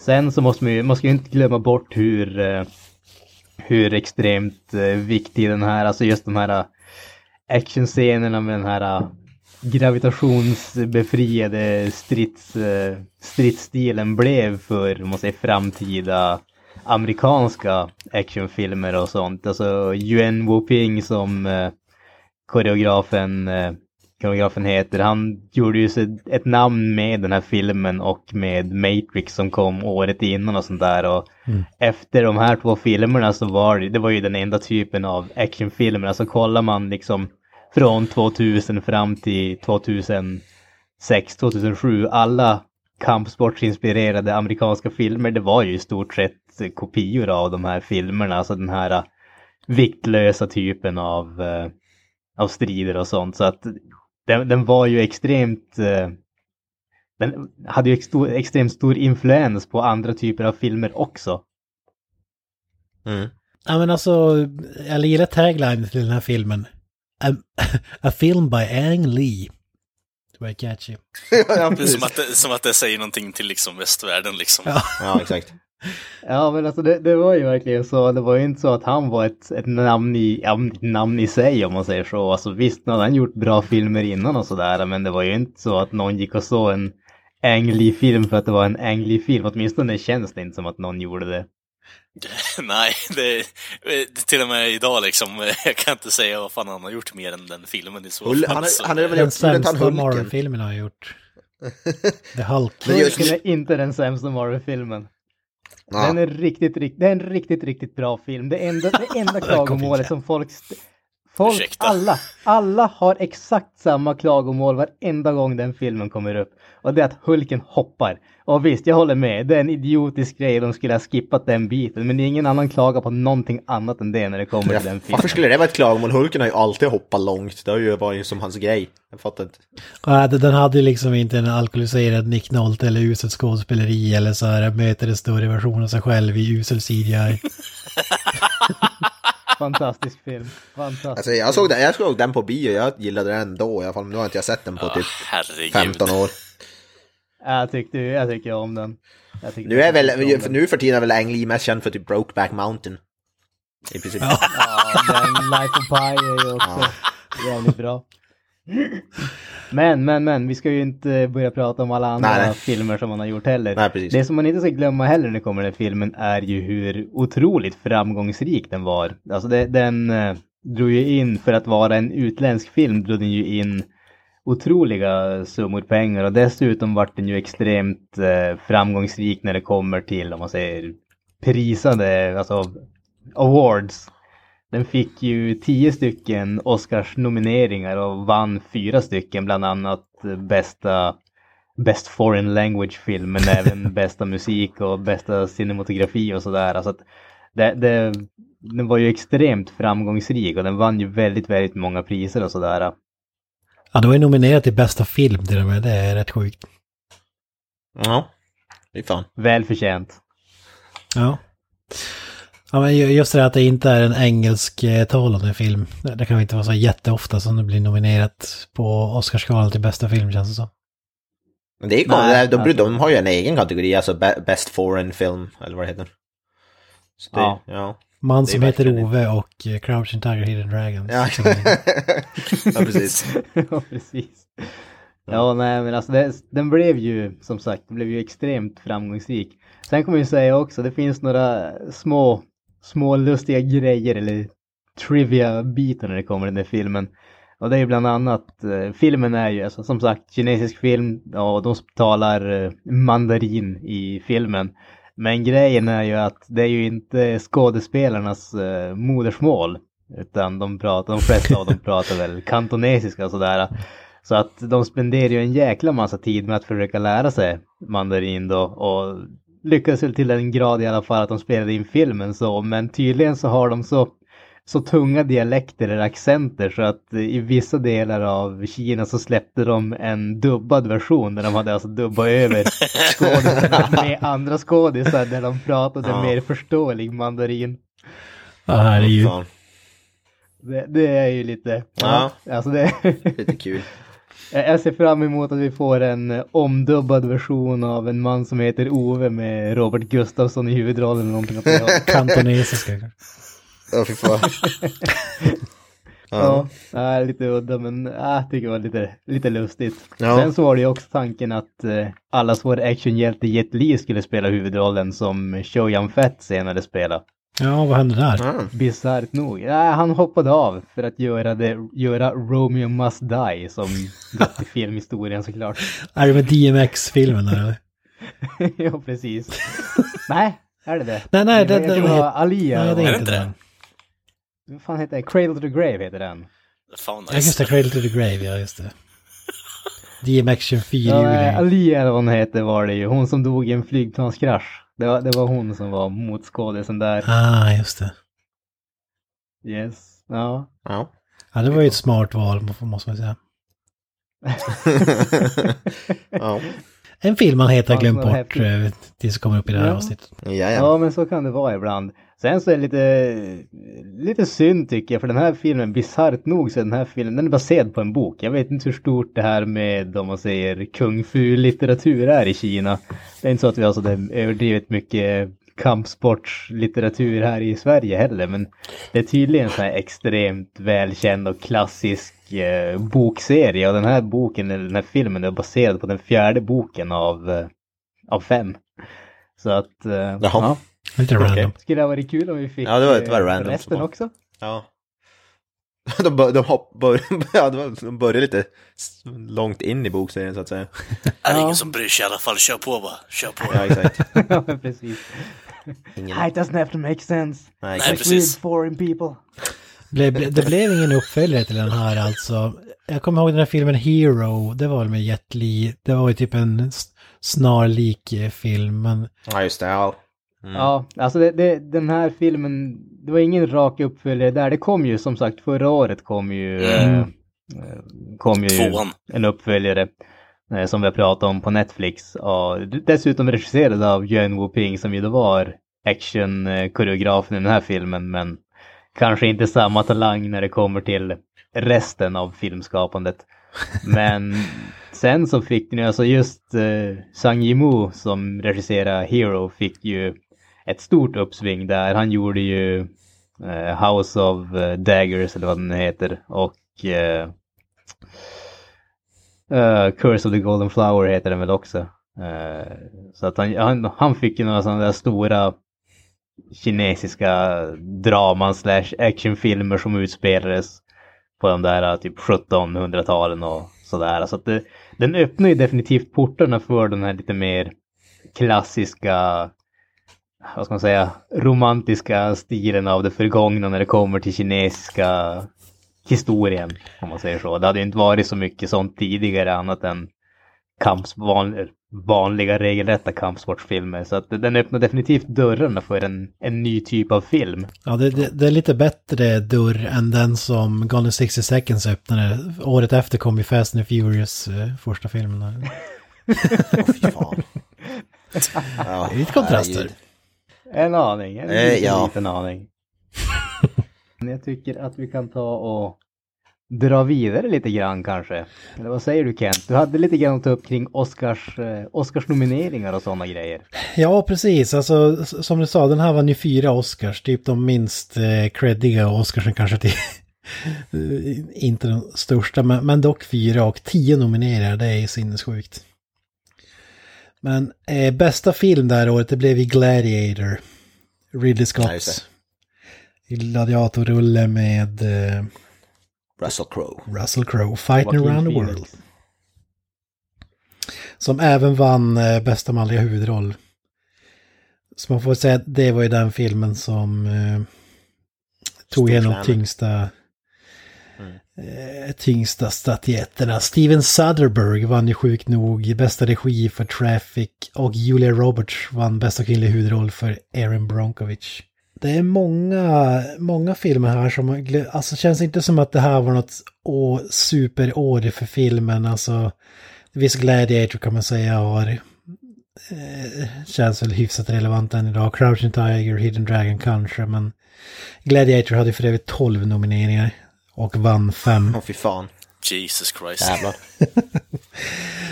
Men dock förvånad att eh, Castaway, som jag tycker är en bedrövlig film, jag tyckte det då och eh, alltså så Robinson. Crusoe-variant av Tom Hanks. Wilson! Wilson. Jag ser det när han pratar med en jävla badboll eller vad är det? Volleyboll. Volleyboll. Ja, volleyboll. Ja. Jag, kommer, jag tycker om den filmen faktiskt. Jag såg den på bio i Stockholm med farsan, kommer jag ihåg. Fy fan. Fy fan. Storstan. Alltså, varför just Stockholm av alla städer du sig på den för? Eh, jag har för mig att eh, vi hade stuckit i Stockholm för att se Everlast spela live. Eh, Jag har för mig att det var i den vevan som vi såg den. Passa på med andra ord alltså. Precis. Fryshuset i Stockholm spelade han på om jag inte missminner mig. Oj, oj, oj, oj. Det var good shit. Ja. Ja, men jag kan eh, faktiskt... Eh, visst, du- Kent tycker om att pissa på Tom Hanks för att det är Tom Hanks liksom. Jag kan ändå tycka att visst, det... Det Han är är världens sämsta skådis. Ha, han är one trick pony, absolut. Men jag tycker ändå filmen eh, har lite charm faktiskt. Så eh, sist jag såg den i alla fall, och det har jag ändå sett den ett par gånger eh, i min ungdom. Så jag tycker ändå det är en helt okej film faktiskt, av det jag kommer ihåg av den. Ja, men alltså gre- grejen med många av de där, uh, vad ska man säga, visa hur bra skådis den här typen av filmerna om man säger så. Mm. Det, det är ju väldigt ofta, alltså det är ju inga stora actionfilmer eller sådana grejer utan det är ju det där relativt lågmälda och någon snubbe som pratar för sig själv. Det är ju samma sak med, vad heter den, uh, uh, ah, nu står det stilla, den med Will Smith, vampyrfilmen där. Alltså, I am legend. Ja, I am Legend, precis. filmen Will Alltså, Smith, den, det är ju liksom, det, det är ju inte någon jättebra film eller någonting sånt, men det är ju alltså, det, det är en film som finns för att Will Smith ska få visa hur bra skådisen är. Och han, han gör faktiskt en riktigt bra roll i den filmen, men resten är inte så mycket att höra över. Och jag tycker egentligen samma sak kan man säga om Castaway. Alltså det, det är en film som existerar för att Tom Hanks ska få visa att han är en bra skådis och resten kan man take it or leave it ungefär. Ja, Eggboost. nej, jag vet inte riktigt. Jag Ja, tycker fortfarande att, återigen, alltså det, jag är med på Kents eh, spår egentligen att eh, Tom Hanks är lite av en one trick pony, men jag tycker ändå Castaway är en, det är en helt okej film faktiskt. Sen så kan man väl... Eh, Han spelar exakt om, samma eh, roll i alla filmer, det är det som är så sjukt. Jo, jo, men det är det jag menar, exakt det jag menar. Han är ingen Van Damme direkt att- som har det här ranget som skådespelare. Alltså. Nej, exakt. Det Precis, Van är så Damme stor eller- range, så det är sjukt. Jason Statham, din Ja, favoritskådis. precis. Han är mer Ja, versatile Jason än Momoa, Tom Hanks. för den Ja, delen också. Christopher Ja, Lambert. Jag tänker så här, vi knyter ihop... absolut, absolut. Eh, eh, jag tycker vi knyter ihop Oscarschecken med att slå ett slag för The Hollow Man som var nominerad Kevin till Bacon. bästa special effects. Paul Verhovens rulle med Kevin Bacon Ja, som ja. spelar osynliga Ja, mannen. just det. Ja, den kommer Nice. jag fan ihåg. Jag, vet inte varför det hoppar in i mitt huvud det här. Eh, kanske säger någonting om mig, men får man inte säga Kevin Bacons penis i den filmen? Ja, jag tror du har rätt. Jag tror du har rätt. Jag också. Det är fan ett, ännu ett segment i det här äh, när vi recenserar på penis. Först var det Viggo Ja, Mortensen. Penis Quest, Penis Quest 2019. Hur, hur står den sig mot Viggo Mortensen? Alltså, nu, nu kommer jag ju inte ihåg det. Jag känner som att jag måste ta och se om Ja, för att eh, kunna ge en bra bedömning av Kevin Bacons penis. Jag kommer fan inte heller ihåg. Jag kommer bara ihåg. Ja, Ja, jag tror att Mortensen är svårslagen. Ja, jag tror fan det alltså. Alltså Ja, man, kan höra, man kan höra vattningen i munnen på er å andra sidan luren här nu grabbar. Ja, ja. Alltså, jag, jag förstår inte grejen med att uh, varför skulle jag inte kunna uppskap, uppskatta en välskapt man? Jag förstår inte Nej, problemet exakt. är. Jag förstår inte heller. Vad fan är det, vad är det, för, vad är det för homofobi Kalle sysslar med? Ja, precis. Fan, det är 2019, Kalle. Ja, fan. Get with the Ja, game. ni, ni, får hålla, ni får hålla på, på er sida där grabbar egentligen. Jag ska inte störa er direkt. Bästa, bästa on-screen uh, genitalia är ju ändå Dr. Manhattan i Watchmen, det får man ändå säga. ja, ja, precis. Ja, Jag känner att det är ju, om, om vi liksom ska komma in i the current year, 2019 här nu. Jag vill ju se Best Genitalia in Movies, eh, Oscarspriset här nu. Ja, exakt. Liksom. Vi måste sätta upp vår egen gala. Dela ut Ja, det bäst, känns som att vi, vi borde definitivt... dela ut bästa Ja, men alltså, pris det, till det bästa vi, penis. vi kan definitivt eh, skapa ett pris till nästa år. Alltså när alla andra börjar dela ut bästa filmer och bästa musik och alla sådana grejer. Vi diskuterar bästa genitalier i film helt enkelt. Ja, men eh, I- i- bästa paketet liksom. I sådana fall skulle jag passa på att utse från filmen Mandy. Eh, Thomas Waynes eh, farsa i Batman Begins, Linus Roach, visar ju hela härligheten i den, den här underbara filmen. Den film som jag såg nu i helgen, nya Suspiria, där får man även se en del kö manliga könsorgan. Oj, oj, oj. definitivt kan... Kanske värt att kika in den då alltså. Ja, ja exakt. Ja. Ur rent forskningssynpunkt. ja, exakt. Sitter med anteckningsblock och så. Får ta en stillbild på Viggo Mortensens penis på mobilen så får jag kolla samhetsbild. Ja, jävlar, jävlar. nej, nej, nej. Nej, nej här fan Viggo Mortensen har några inches på den här snubben alltså. Efter noga övervägning har vi kommit fram till att... Viggo Mortensen vinner igen. 2019 års penis, ja, ja hur som helst. Ja. Det, det börjar bli nog så mörkt här så jag tycker att vi hoppar till Mr. Avoyas eh, val av film. Eh, jag vill först en disclaimer att när, när år, år 2000 var jag nio år gammal och då var det bästa jag visste var Markoolio och Pokémon. Och då, eh, så jag, det, jag, jag, jag, kommer inte, jag kan ju inte välja någon film från när jag såg, för jag kommer för, eh, första inte ihåg vilka filmer jag såg när jag var nio bara, förutom då att jag såg mycket Pokémon liksom på Markoolio. Så jag fick, fick då välja en film från 2000 som jag upptäckt senare i livet. Eh, och det är ju då, ja, det, det är lite behind the scenes, men jag och Granström råkade ju välja först sa, vad heter det, samma film, så han kan ju också även förmodligen eh, hoppa in här och prata igen. grann. Men jag har då valt eh, förmodligen den enda film som jag tycker att Vin Diesel är någorlunda bra i. Eh, och kan visa att han kan, faktiskt kan skådespela, och det är ju Pitch Black då från 2000. They say most of your brain shuts down in cryosleep. All but the animal side. Guess that's why I'm still awake. All you people are so scared of me. But it ain't me you gotta worry about now. Whatever it is, it got Zeke and it nearly got me. Eh, första filmen som introducerar karaktären Riddick, som även då har fått två uppföljare och även tv-spel som har blivit rätt mer framgångsrika än vad filmerna är, mest troligen. I alla fall kritikermässigt. Eh, och det är väl någon typ av försök att göra någon typ av alien, alltså det är, det är ju väldigt mycket att den är inspirerad av alien, inspirerad av alien det ser man klart och tydligt. Det är väl någon, något försök att göra en, en, ja på den tiden modern alien-film, då var ju alien typ 30 år gammal redan då nästan. Och man lyckas väl ändå, och det är alltså, jag, jag vet att Granström har sagt det och det är, jag kan nog skriva under att det är en, en av mina favoritfilmer, definitivt. Speciellt i science fiction slash skräckgenren då, eller vad man ska kalla det. Och, ja, det, alltså som sagt, det är, det är, det är väl en av Vin Diesels tidigaste filmer, eller en av hans ja, först, första lead roles kan man väl def, definitivt säga. Eh, och ja, om man ska ta handlingen kort så är det, det handlar om någon typ av så här prisoner, ett skepp med massa då, fångar från ett fängelse som ska transporteras och de kraschar på en planet som är fylld till bredden av diverse otäcka saker i princip. Det är jävligt mycket monster på den här planeten helt enkelt och grejen med de här monstren är att de, de kommer ut på natten. Det är därför filmen heter Pitch Black. Så. Eh, och som sagt, den här, det är ju första filmen då som introducerar den här karaktären Riddick som har blivit, ja förutom Fast and the Furious så är det väl kanske Vin Diesels mest populära skapelse, skulle man säga. En, eh, ja vad, ska man kalla honom, en lönnmördare. Ja, massmördare kanske till och med. Eh, som kan se i mörker, han har så superkrafter. Jag kommer inte ihåg första gången jag såg den här filmen, men det, alltså det var, jag var säkert inte med, äldre än 13-14 bara. Alltså. Jag vet, såg du den här filmen när den kom ut, Granström?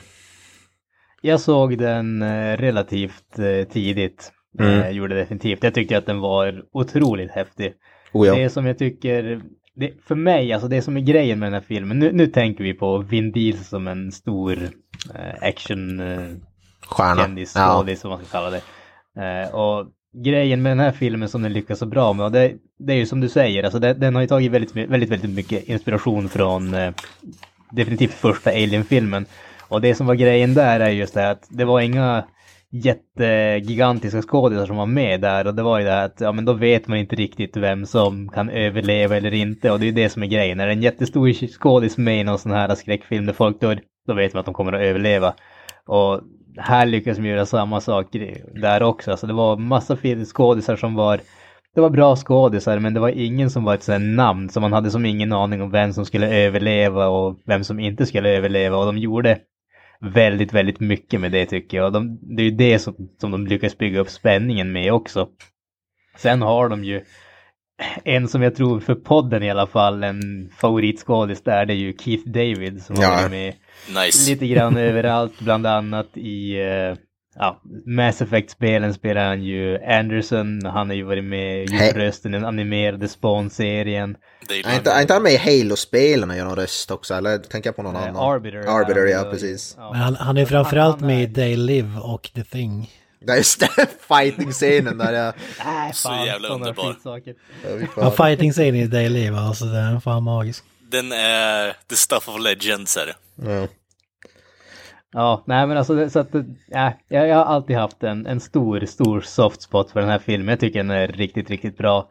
Och jag tror tyvärr, alltså de, de, de, de försökte ju göra en franchise, eller man kan väl diskutera om de lyckades eller inte. Nej. Men med två uppföljare och tv-spelet och en eh, tecknad film. Ja just det, ja. Det finns De har pratat om att de Mm. ska göra en eh, tv-serie också nu som inte ska handla om Riddick men ska utspela sig i samma värld där.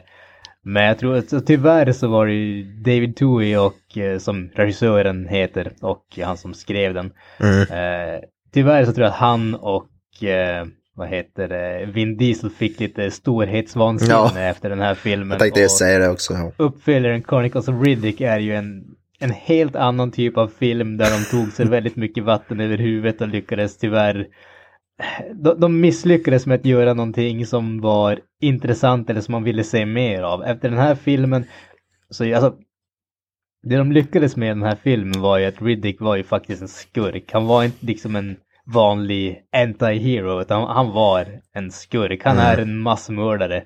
Och han liksom, ja, han är det. Eh, och i den, här- de andra filmerna så givetvis det varit en stor succé, Vin Diesel har blivit stjärnan, nu måste de göra han till en, en mer Actionhjälte. likable character. Ja, man måste exakt. förstå han mer, var han kommer ifrån och varför han är som han är. Och tyvärr så gjorde det att franchisen dog för det var ingen som ville ha det. Man tycker om när han är en, något av en skitstövel så att säga. Och att, ja, Men det, det, det känns som att den filmen, alltså, den var väl extrem låg, eller kanske inte extrem, men det var ju lågbudgetfilm, Pitch Black. Det känns som att de fick Ja. kanske för mycket pengar i Chron- Chronicles of Riddick och skulle liksom göra det mer spacet. För det var ju det som var, jag, jag, tror, jag tror du glömde nämna det här i inledningen, men det skulle vara så här solförmörkelse i typ en månad eller vad det var. Alltså det skulle vara helt mörkt. Ja. Och det var ju det som Ja, var liksom som en exakt. skräckfilm ungefär. Mm. Och Vin Diesel redan kunde säga för han hade typ opererat ögon eller vad fan det var. Ja, precis. ja, precis. Vilket han för övrigt gör i spelet Escape from Butcher Bay. Eh, utvecklat av eh, svenska Starbreeze. Mm. Så att, eh, Riktigt bra spel också, som man inte kan förvänta sig. Film, spel baserat på filmer brukar suga, men det spelet är faktiskt riktigt bra. Ja, det är ett riktigt, riktigt bra spel och jag skulle nästan gå så långt som att påstå att det är förmodligen det bästa filmbaserade spelet någonsin. Ja. Åtminstone ett av dem. Det är ju grejer med de här upp, uppföljarna, alltså det- som sagt de vart för stora. Och Jag, jag, det enda jag minns från Chronicles Red är att den bara var snurrig, det var så här 500 grejer som hände samtidigt och den hade som ingen röd tråd och den var bara helt ofokuserad och hoppig. Det bästa med den var att Carl Urban var med. Ja just det. ja just det, ja. Kents favoritskådis. Absolut, absolut. Jag kan ju för övrigt erkänna här att eh, jag, jag hade ett ont öga till uppföljaren redan från början. Eh, av en orsak som det var, de bytte ut en skådis. Eh, och jag, jag är ju definitivt en sån där, eh, eller är, jag, jag, det, det här är liksom, jag, jag är inte en sån som brukar ha fanboy-grejer ungefär. Det, Nej. jag, jag bryr mig inte, men av någon orsak så kändes det som ett svek här och det var ungen eller tjejen Jack i första filmen bytte de skådis och jag vet inte varför de gjorde det. De har typ aldrig fått någon riktigt bra förklaring. Ja Men det, det störde mig väldigt, väldigt mycket därför att det var liksom en huvudkaraktär i första filmen och sen en huvudkaraktär i andra filmen med en helt annan skådis som ser helt annorlunda ut och allting sånt där. Det störde mig extremt mycket. Hade de haft någon som typ såg likadan ut eller någonting sånt kanske jag inte hade reagerat på samma sätt men ja, alltså jag vet inte. Jag hade väldigt svårt att acceptera att det var samma karaktär. Ja just det. Det som jag kommer ihåg, och jag, jag vet inte om det här egentligen är sant, men det, jag har hört det berättas. Och det, det är ju den här scenen när de har eh, bundit fast Riddick vid den där eh, metallgrejen. Mm. Och han bänder armarna bakåt och liksom poppar ut dem ur led och sen hopp, poppar in dem ungefär. Och tydligen så gjorde Vin Diesel det på riktigt på något jävla vänster. Så att, eh, Ja. jag, jag vet inte hur sant det är. Men det, det är liksom bara... Ja men Wow. det jag satt och läste, Det- det jag- Bra på inför det här, jag suttit och läst på jag har suttit och läst på om det och det verkar stämma, det står i alla fall på om man kollar på det, alltså IMDB-sidan till exempel. De har lagt till lite specialeffekter där på något sätt i den scenen men mestadels så var det Vin Diesel själv som gjorde det. Så det, det stämmer nog. Vilket är ju ganska sjukt faktiskt. Method acting. Ja det är fan det. Ja, precis. Och det, som sagt det är ju en av, Alma håller, men... det är ju en av få filmer jag tycker Vin Diesel är bra. Jag gillar inte Vin Diesel som skådis alls speciellt mycket förutom i Pitch Black. Men jag, han är riktigt bra i den filmen faktiskt. Det, det ska, man ju säga. Jag, jag håller med, jag tror inte jag har sett någon annan film där han känns... Bra. Man, man inser hans begränsningar i den här filmen, så han har inte jättemycket dialog om jag minns rätt, så det är väl Nej. det som gör det kanske. Men de har använt han på ett bra sätt i alla fall. Jag tror, jag tror, som sagt, vi ska inte dra in uppföljaren allt för mycket, men där, där har vi ju absolut en, ett problem som börjar och slutar med Vin Diesel till stor del. Och det, det är ju, alltså, den här filmen är ju väldigt begränsad sett till hans karaktär, vilket fungerar perfekt därför att som sagt, han är ingen jättebra skådis. När de försöker göra saker som faktiskt kräver lite, lite mer talang, lite mer djup och sådana saker. Så det funkar inte riktigt längre och det, det visar ju uppföljaren Chronicles of Riddick i alldeles för stor mängd och man Mm. tycker att någonstans borde de kanske ha insett att det här var inte en så bra idé och gjort någonting annat. Men, men den här filmen, där spelar han i den där lådan där han faktiskt är bra och det är definitivt, jag håller med, det är, ska jag säga att det är, om inte hans bästa prestation så åtminstone en av dem, den, den ligger högt upp. Oh, ja. Man må få igenom att han är en jävel på att säga family. Vilket han säger typ 2000 gånger i varje Fast 15 and gånger Furious i film. varje Fast and Furious-film. Ja. It's about family. Vi går väl vidare här och som tur är så blev den inte nominerad till The Golden Ras Razzies. det vart inte det. Nej. Ja, det, Det blev, var ju tur. det blev en annan science fiction-film som tog en stor slam där. Det var ju Battlefield Earth med John Travolta. Nice. Vi får ju... Kan- Spell your name! En av Kents favoritfilmer. Absolut. Åtta nomineringar, åtta segrar i olika kategorier här. Aldrig sett en sekund av den filmen ska vänta. tog emot pris eller?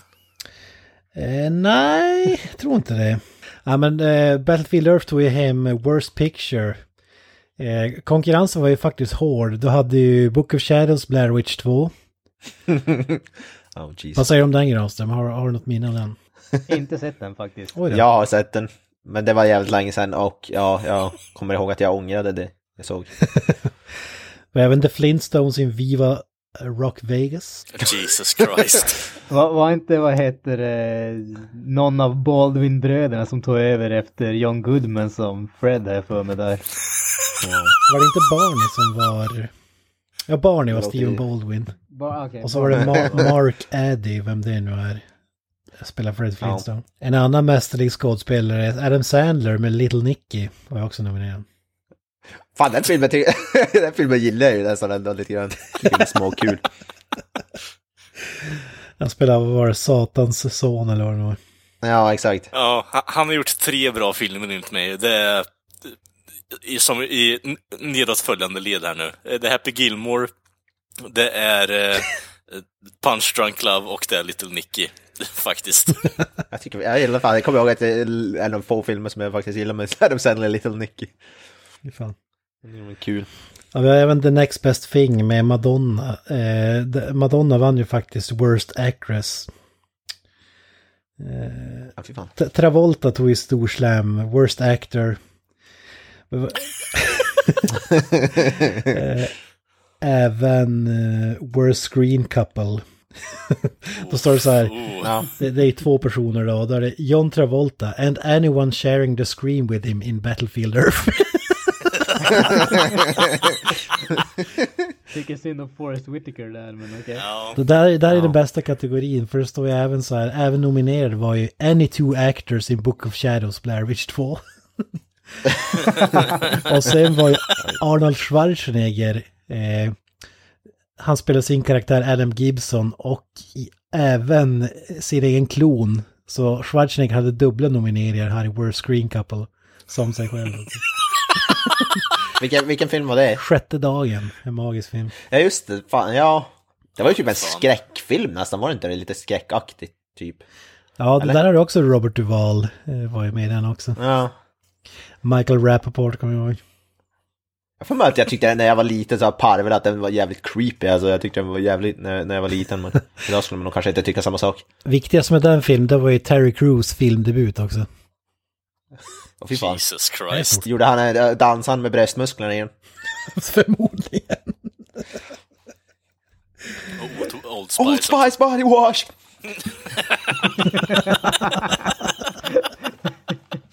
Ja, det var väl eh, Razzie-galan. Ska vi hoppa till eh, avsnittets sista film här. Kalle, vad har du eh, valt för någon trevlig, eh, varm film? Jag har ju valt den mest eh, familjevänliga familjen, eller filmen man kan se då på 2000-talet här egentligen, skulle jag vilja säga. Och Ja. eh, det är ju som många andra filmer eh, adapterat från en eh, välkänd bok. Eh, som, ja, jag vet inte, kontroversiell tydligen, om nu när jag gjort den här eftersökningen här på, när vi gjorde den här stora resan in på 2000-talet. Men eh, Eh, jag har då sett på, ja, sett eller jag kommer ta upp American Psycho. New card. What do you think? Woohoo. Very nice. Jean, Yes, Patrick? would you like to accompany me to dinner? Sabrina, why don't you dance a little? Christy, get down on your knees.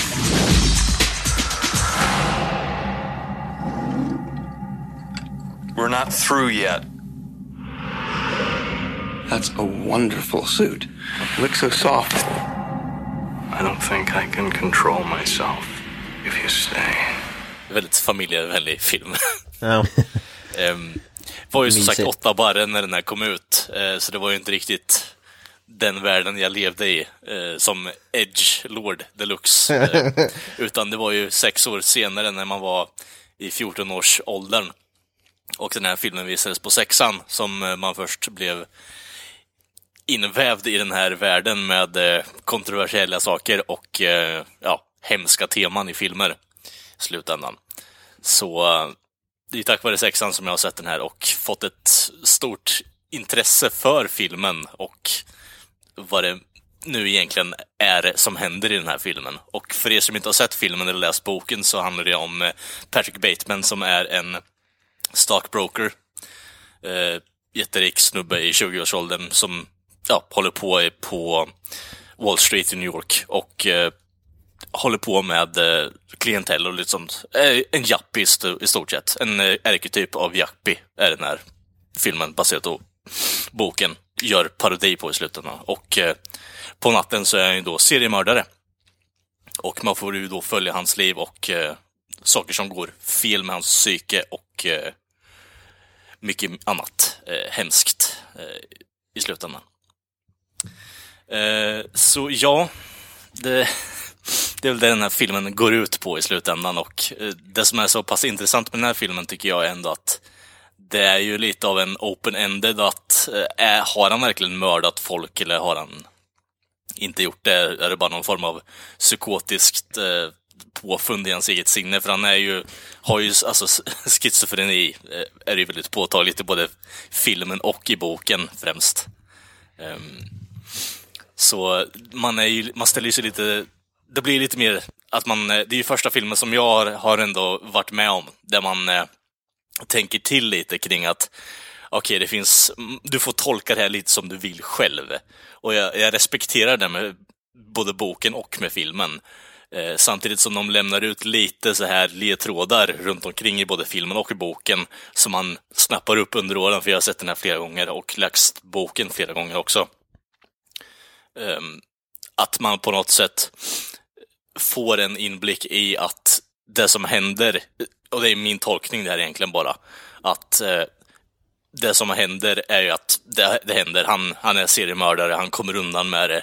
Och det är på grund av att folk inte riktigt kopplar. Och att det är lite mer så här, det är ju en tagning på jappekulturen att det är väldigt ytligt. Folk går inte in på djupet vad man är som människa. Man, man bryr sig inte riktigt om någon annan än sig själv. Och då blir det en sån här Ja, jag känner honom, liksom det, det, fast de känner honom inte egentligen. Och de tar ju fel på namn hela tiden också, så det, det finns ju context clues i, runt om i filmen som stödjer den här teorin som jag har. Men eh, återigen, det är ju bara min tolkning. Och, men jag tycker ändå fortfarande att den film som håller upp till dagens läge också, speciellt i och med att det kommer låta väldigt pretentiöst nu egentligen, men att den kulturen fortfarande finns någonstans i samhället i slutändan, även om det inte är på seriemördarnivå, för det är ju extremen som på något sätt särskiljer och gör det mer tydligt att eh, det finns en sån stor skillnad och att, eller vad ska man säga, att det finns någon form av avstamp att folk inte bryr sig i slutändan. Och att man kan i stort sett göra vad som helst utan att folk bryr sig. Det, det är lite där jag tolkar filmen som. Hade du läst boken för övrigt, Kalle? Ja, jag har läst boken. Eh, och eh, om vi säger så här, boken är ju tio gånger värre rent grafiskt sett. Ja, Ehm, det är det jag också hört. Mm. Ehm, vi, vi får ju inte se en specifik eh, scen i filmen, om vi säger så, där Patrick Bateman har ja, skurit av könsorgan på kvinnor och stoppat in dem i ett eh, skåp, bland annat. Ja, en mysig snubbe. Ja, Jag vill komma ihåg att han sätter på ett avhugget huvud i boken också. Ja, det gör han. läste den, men, ja, det gör han. han eh, och eh, just när det kommer till de här könsorganen så har han ju en favorit som han har satt en rosett på också, om jag kommer ihåg den helt rätt. Eh, väldigt sjuk och grafisk bok. Eh, fortfarande, jag är en speciell människa. Inte på det sättet, men alltså att boken har ett väldigt intressant och bra bildspråk. Man ser, alltså det är så pass bra att man ser det här saker framför sig. Uh, East, Brett Easton Ellis är fruktansvärt bra författare, vill jag bara understryka. Och han, han gör det på ett väldigt bra sätt i boken. Uh, tycker inte riktigt att filmen gör den rättvisa så här i efterhand, men det är fortfarande en riktigt, riktigt bra film. Är det. Jag tycker, jag håller med där. Det tycker jag är en riktigt, riktigt bra film. En av de lite mer intressanta grejerna, eh, enligt mig i alla fall, eh, det är ju att filmen har ju, eller filmboken har ju sedan länge blivit anklagad för att vara väldigt eh, misogynistisk och kvinnohatande. Men det är ju faktiskt en kvinna som har eh, både skrivit och regisserat filmen. Ja, just det, tycker är ja. smått intressant. Ja, Ma- grejen Mary med... Ja, exakt, exakt. Eh, grejen med det är ju att karaktären Patrick Bateman som boken utgår ifrån, det berättas ju från hans perspektiv. Och den karaktären är ju väldigt misogynisk och eh, kvinnohatande och eh, rasistisk och alltså främlingsfientlig överlag. Eh, filmen tonar ju ner det något. Eh, boken är ju liksom återigen upphöjt tio gånger till. Så det är ju så här, sparka på uteliggare, dryg mot invandrare och så vidare. Så det är ju, det går inte riktigt att jämföra boken med filmen. Men det är ju det karaktären är, är det. Jag tror faktiskt, alltså Van Damme gjorde inga filmer år 2000 så jag skulle vilja säga att det här är, kanske är min favorit som, som kom ut år 2000 faktiskt. Har du inte velat se den här filmen med Van Damme i huvudrollen istället? Ja, absolut. ja, det var Bara om den är regisserad av John Woo. Ja, det På, på tal om det egentligen, alltså, jag kollade upp lite grejer här nu inför det här avsnittet. Och eh, jag märkte att det har ju varit en jävla massa fram och tillbaka här egentligen. Alltså vem det är som ska vara med vad och vem som ska regissera och liknande. Alltså, bland annat så har ju Oliver Stone varit eh, att- attached till den här. Fan. Eh, precis likadant som eh, David Cronenberg vid ett tillfälle. så, så den har ju gått fram och tillbaka egentligen. Så det är ju det är en jävla spann på människor som har velat göra den här. Scorsese också för den delen. Hur, hur hade den här filmen varit om intressant- Scorsese hade gjort det liksom? ja, alltså det hade jävla gangsterdrama, det är typ Ja, exakt. Folk som sitter och käkar och snack, lagar mat och snackar. Det hade varit Patrick Begoli liksom istället för Bateman. Det hade varit en två timmar lång köksscen där alla bara sitter vid ett bord. Ja, och gnällt över för mycket lök i såsen liksom. Ja. Nej, men alltså det... Mm. Eh, jag har lite små, små, eh, små historia från eh, när, när jag såg den här filmen första gången. Det var ju, som säger, man hade ju hört talas om, om den här boken skulle vara så grov och sådär. Och, och så när filmen kom så eh, hade några tjejkompisar som hade sett den som bara, ja ah, den är så jävla sjuk, alltså typ ja, knivar och fo- folk, eh, alltså han kuttar upp folk med motorsåg och det liksom, och så ser man omslaget så, så eh, grabbgänget och tänker så här, åh fan, det här är liksom Jason Goes to Hell, men så här en slasher-film. Ja, vi, vi blev ganska, eh, vad heter det, satte som frågetecken när liksom Christian Bale smetar på sig liksom hudkrämer i typ en kvart ungefär. Så- Ja, det tar ju ett tag innan det liksom slår till, men det bygger ju bara upp det här att okej, jag har en fasad här och jag har den andra liksom, personligheten på den här sidan. Eh, och någonstans i mitten av filmen så clashar ju de ordentligt. Och då får vi ju den här till exempel scenen med eh, trekanten han har med de två prostituerade där. Ehm, och motorsågsscenen som är invävd i det här samtidigt också. Och det är där någonstans det går riktigt åt helvete i slutändan.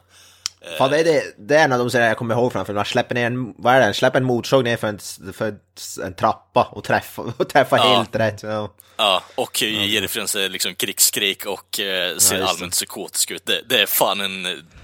Det, alltså, jag ryser bara jag tänker på den scenen, för den är fruktansvärt vidrig faktiskt överlag bara. Man fick Alltså det känns som, det, det går ju inte att, eh, att prata om den här filmen utan att prata om Huey Lewis. Jag hade just tänkt säga exakt. Det gör ju inte det. Det gör ju tyvärr inte det. Alltså, eh, Patrick Bateman har ju någon form av fascination med bland annat Hugh Lewis and the, eh, Hugh Lewis and the News och eh, Phil Collins och Whitney Houston.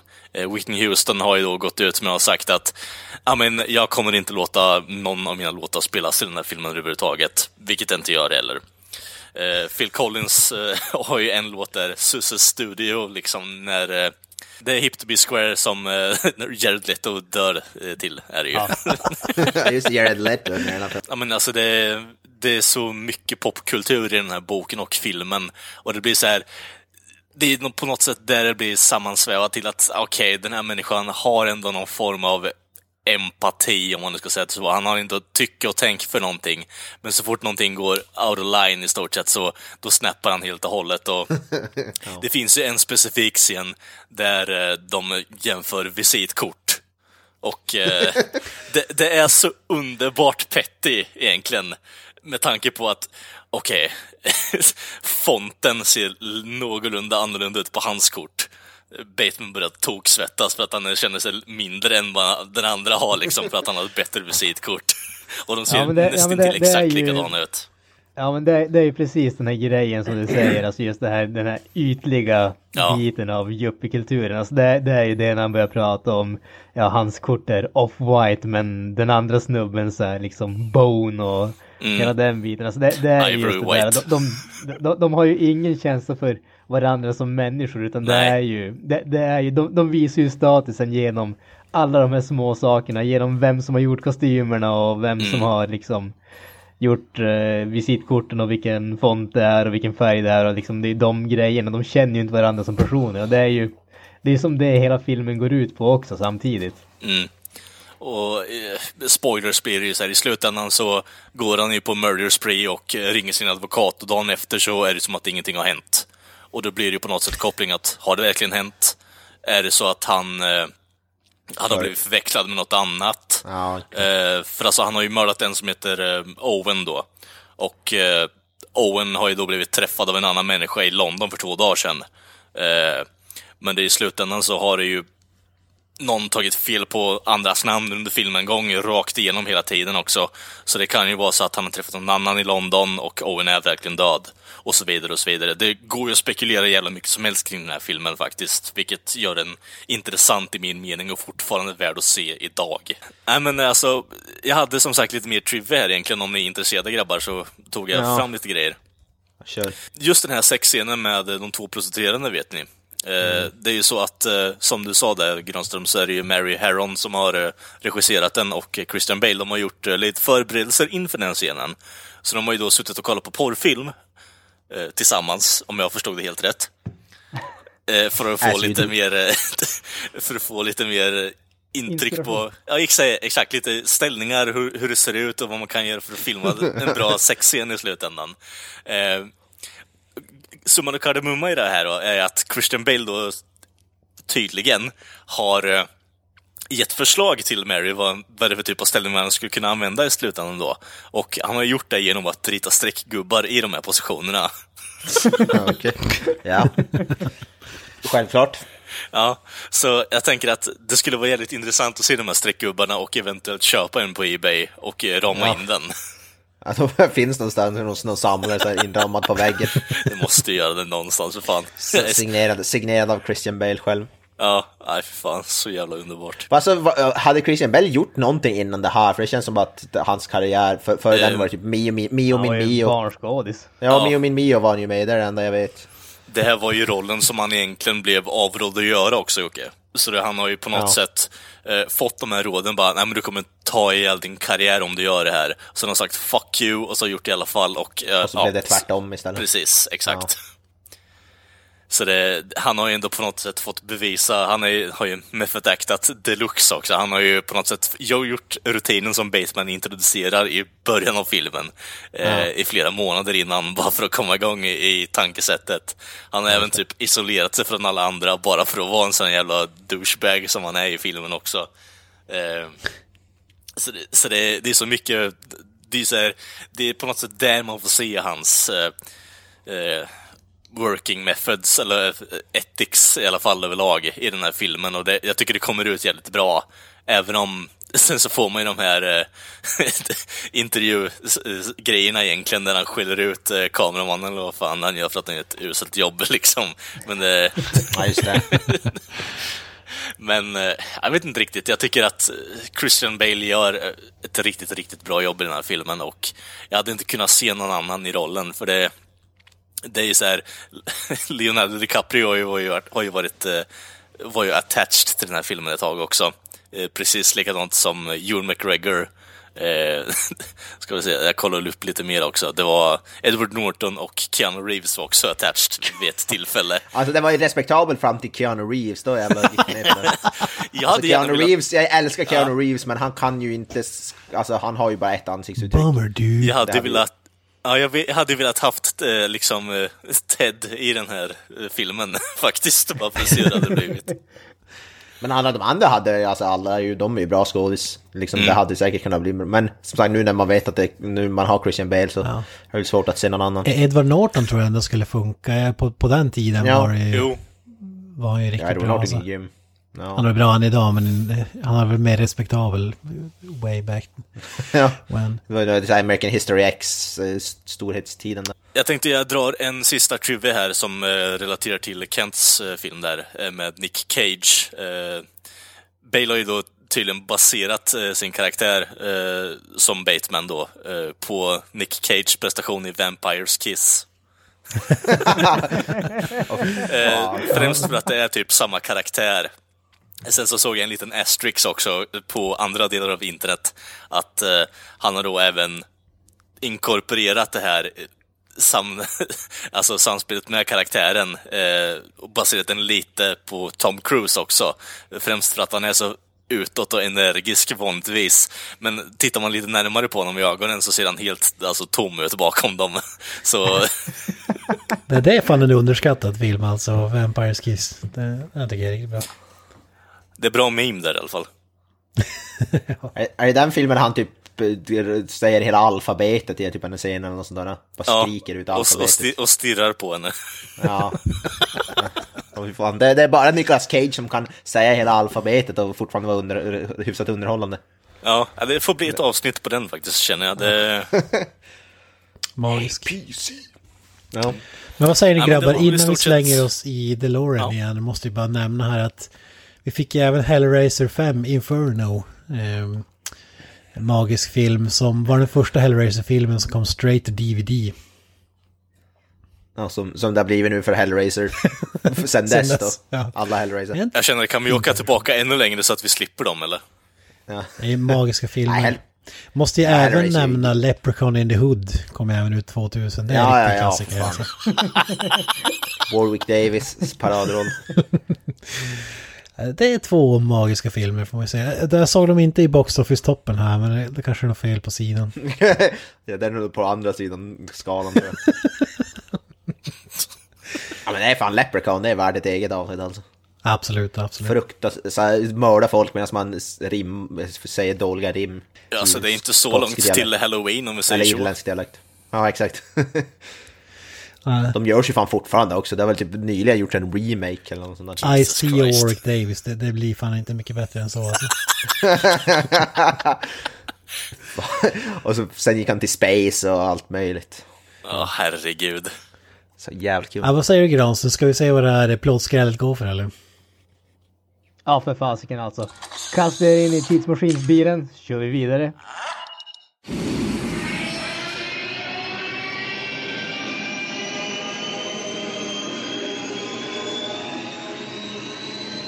Jag misstänker att vi bara har eh, gnuggat på ytan på den här förgångna grejen. Det känns inte som att vi räddade världen så att jag tror att vi måste ta oss vidare ännu längre tillbaka.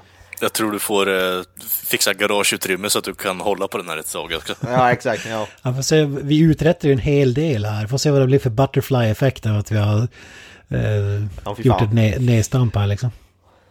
På med säkerhetsbältet grabbar. Nu bär det iväg. Sakta ner för helvete. Går inte. Full fart framåt, det är det enda som gäller. Akta Lassgård, akta Lassgård. Nej fan, han är redan död. Jajamensan gott folk, ni har då lyssnat på ett avsnitt av Creative Meltdown Podcast. Det har ni. Eh, Ja, jag tror nog det. Jag, jag, vill säga mig. det. jag vill säga det i alla fall. Jag är lite osäker, men vi får se vad det blir post-production så att säga. Men ni hittar oss som sagt på sociala medier som Facebook, Twitter, Instagram och YouTube. Finns ju även på i eh, Spotify för er on the go. Och eh, vi har ju som sagt eh, vår egen hemsida där och den heter creativemeltdownpod.wordpress.com och eh, där hittar ni lite käcka recensioner och annat fränt material. Så, vi syns nästa vecka och hörs framför allt. Eh, har ni några avslutande ord grabbar? Jag säger som jag sa år 2000. Up the irons. Hail Satan. Peace out. Eh, glöm inte att lämna tillbaka era videoband. Bye bye. That's it man. Game over man. It's game over.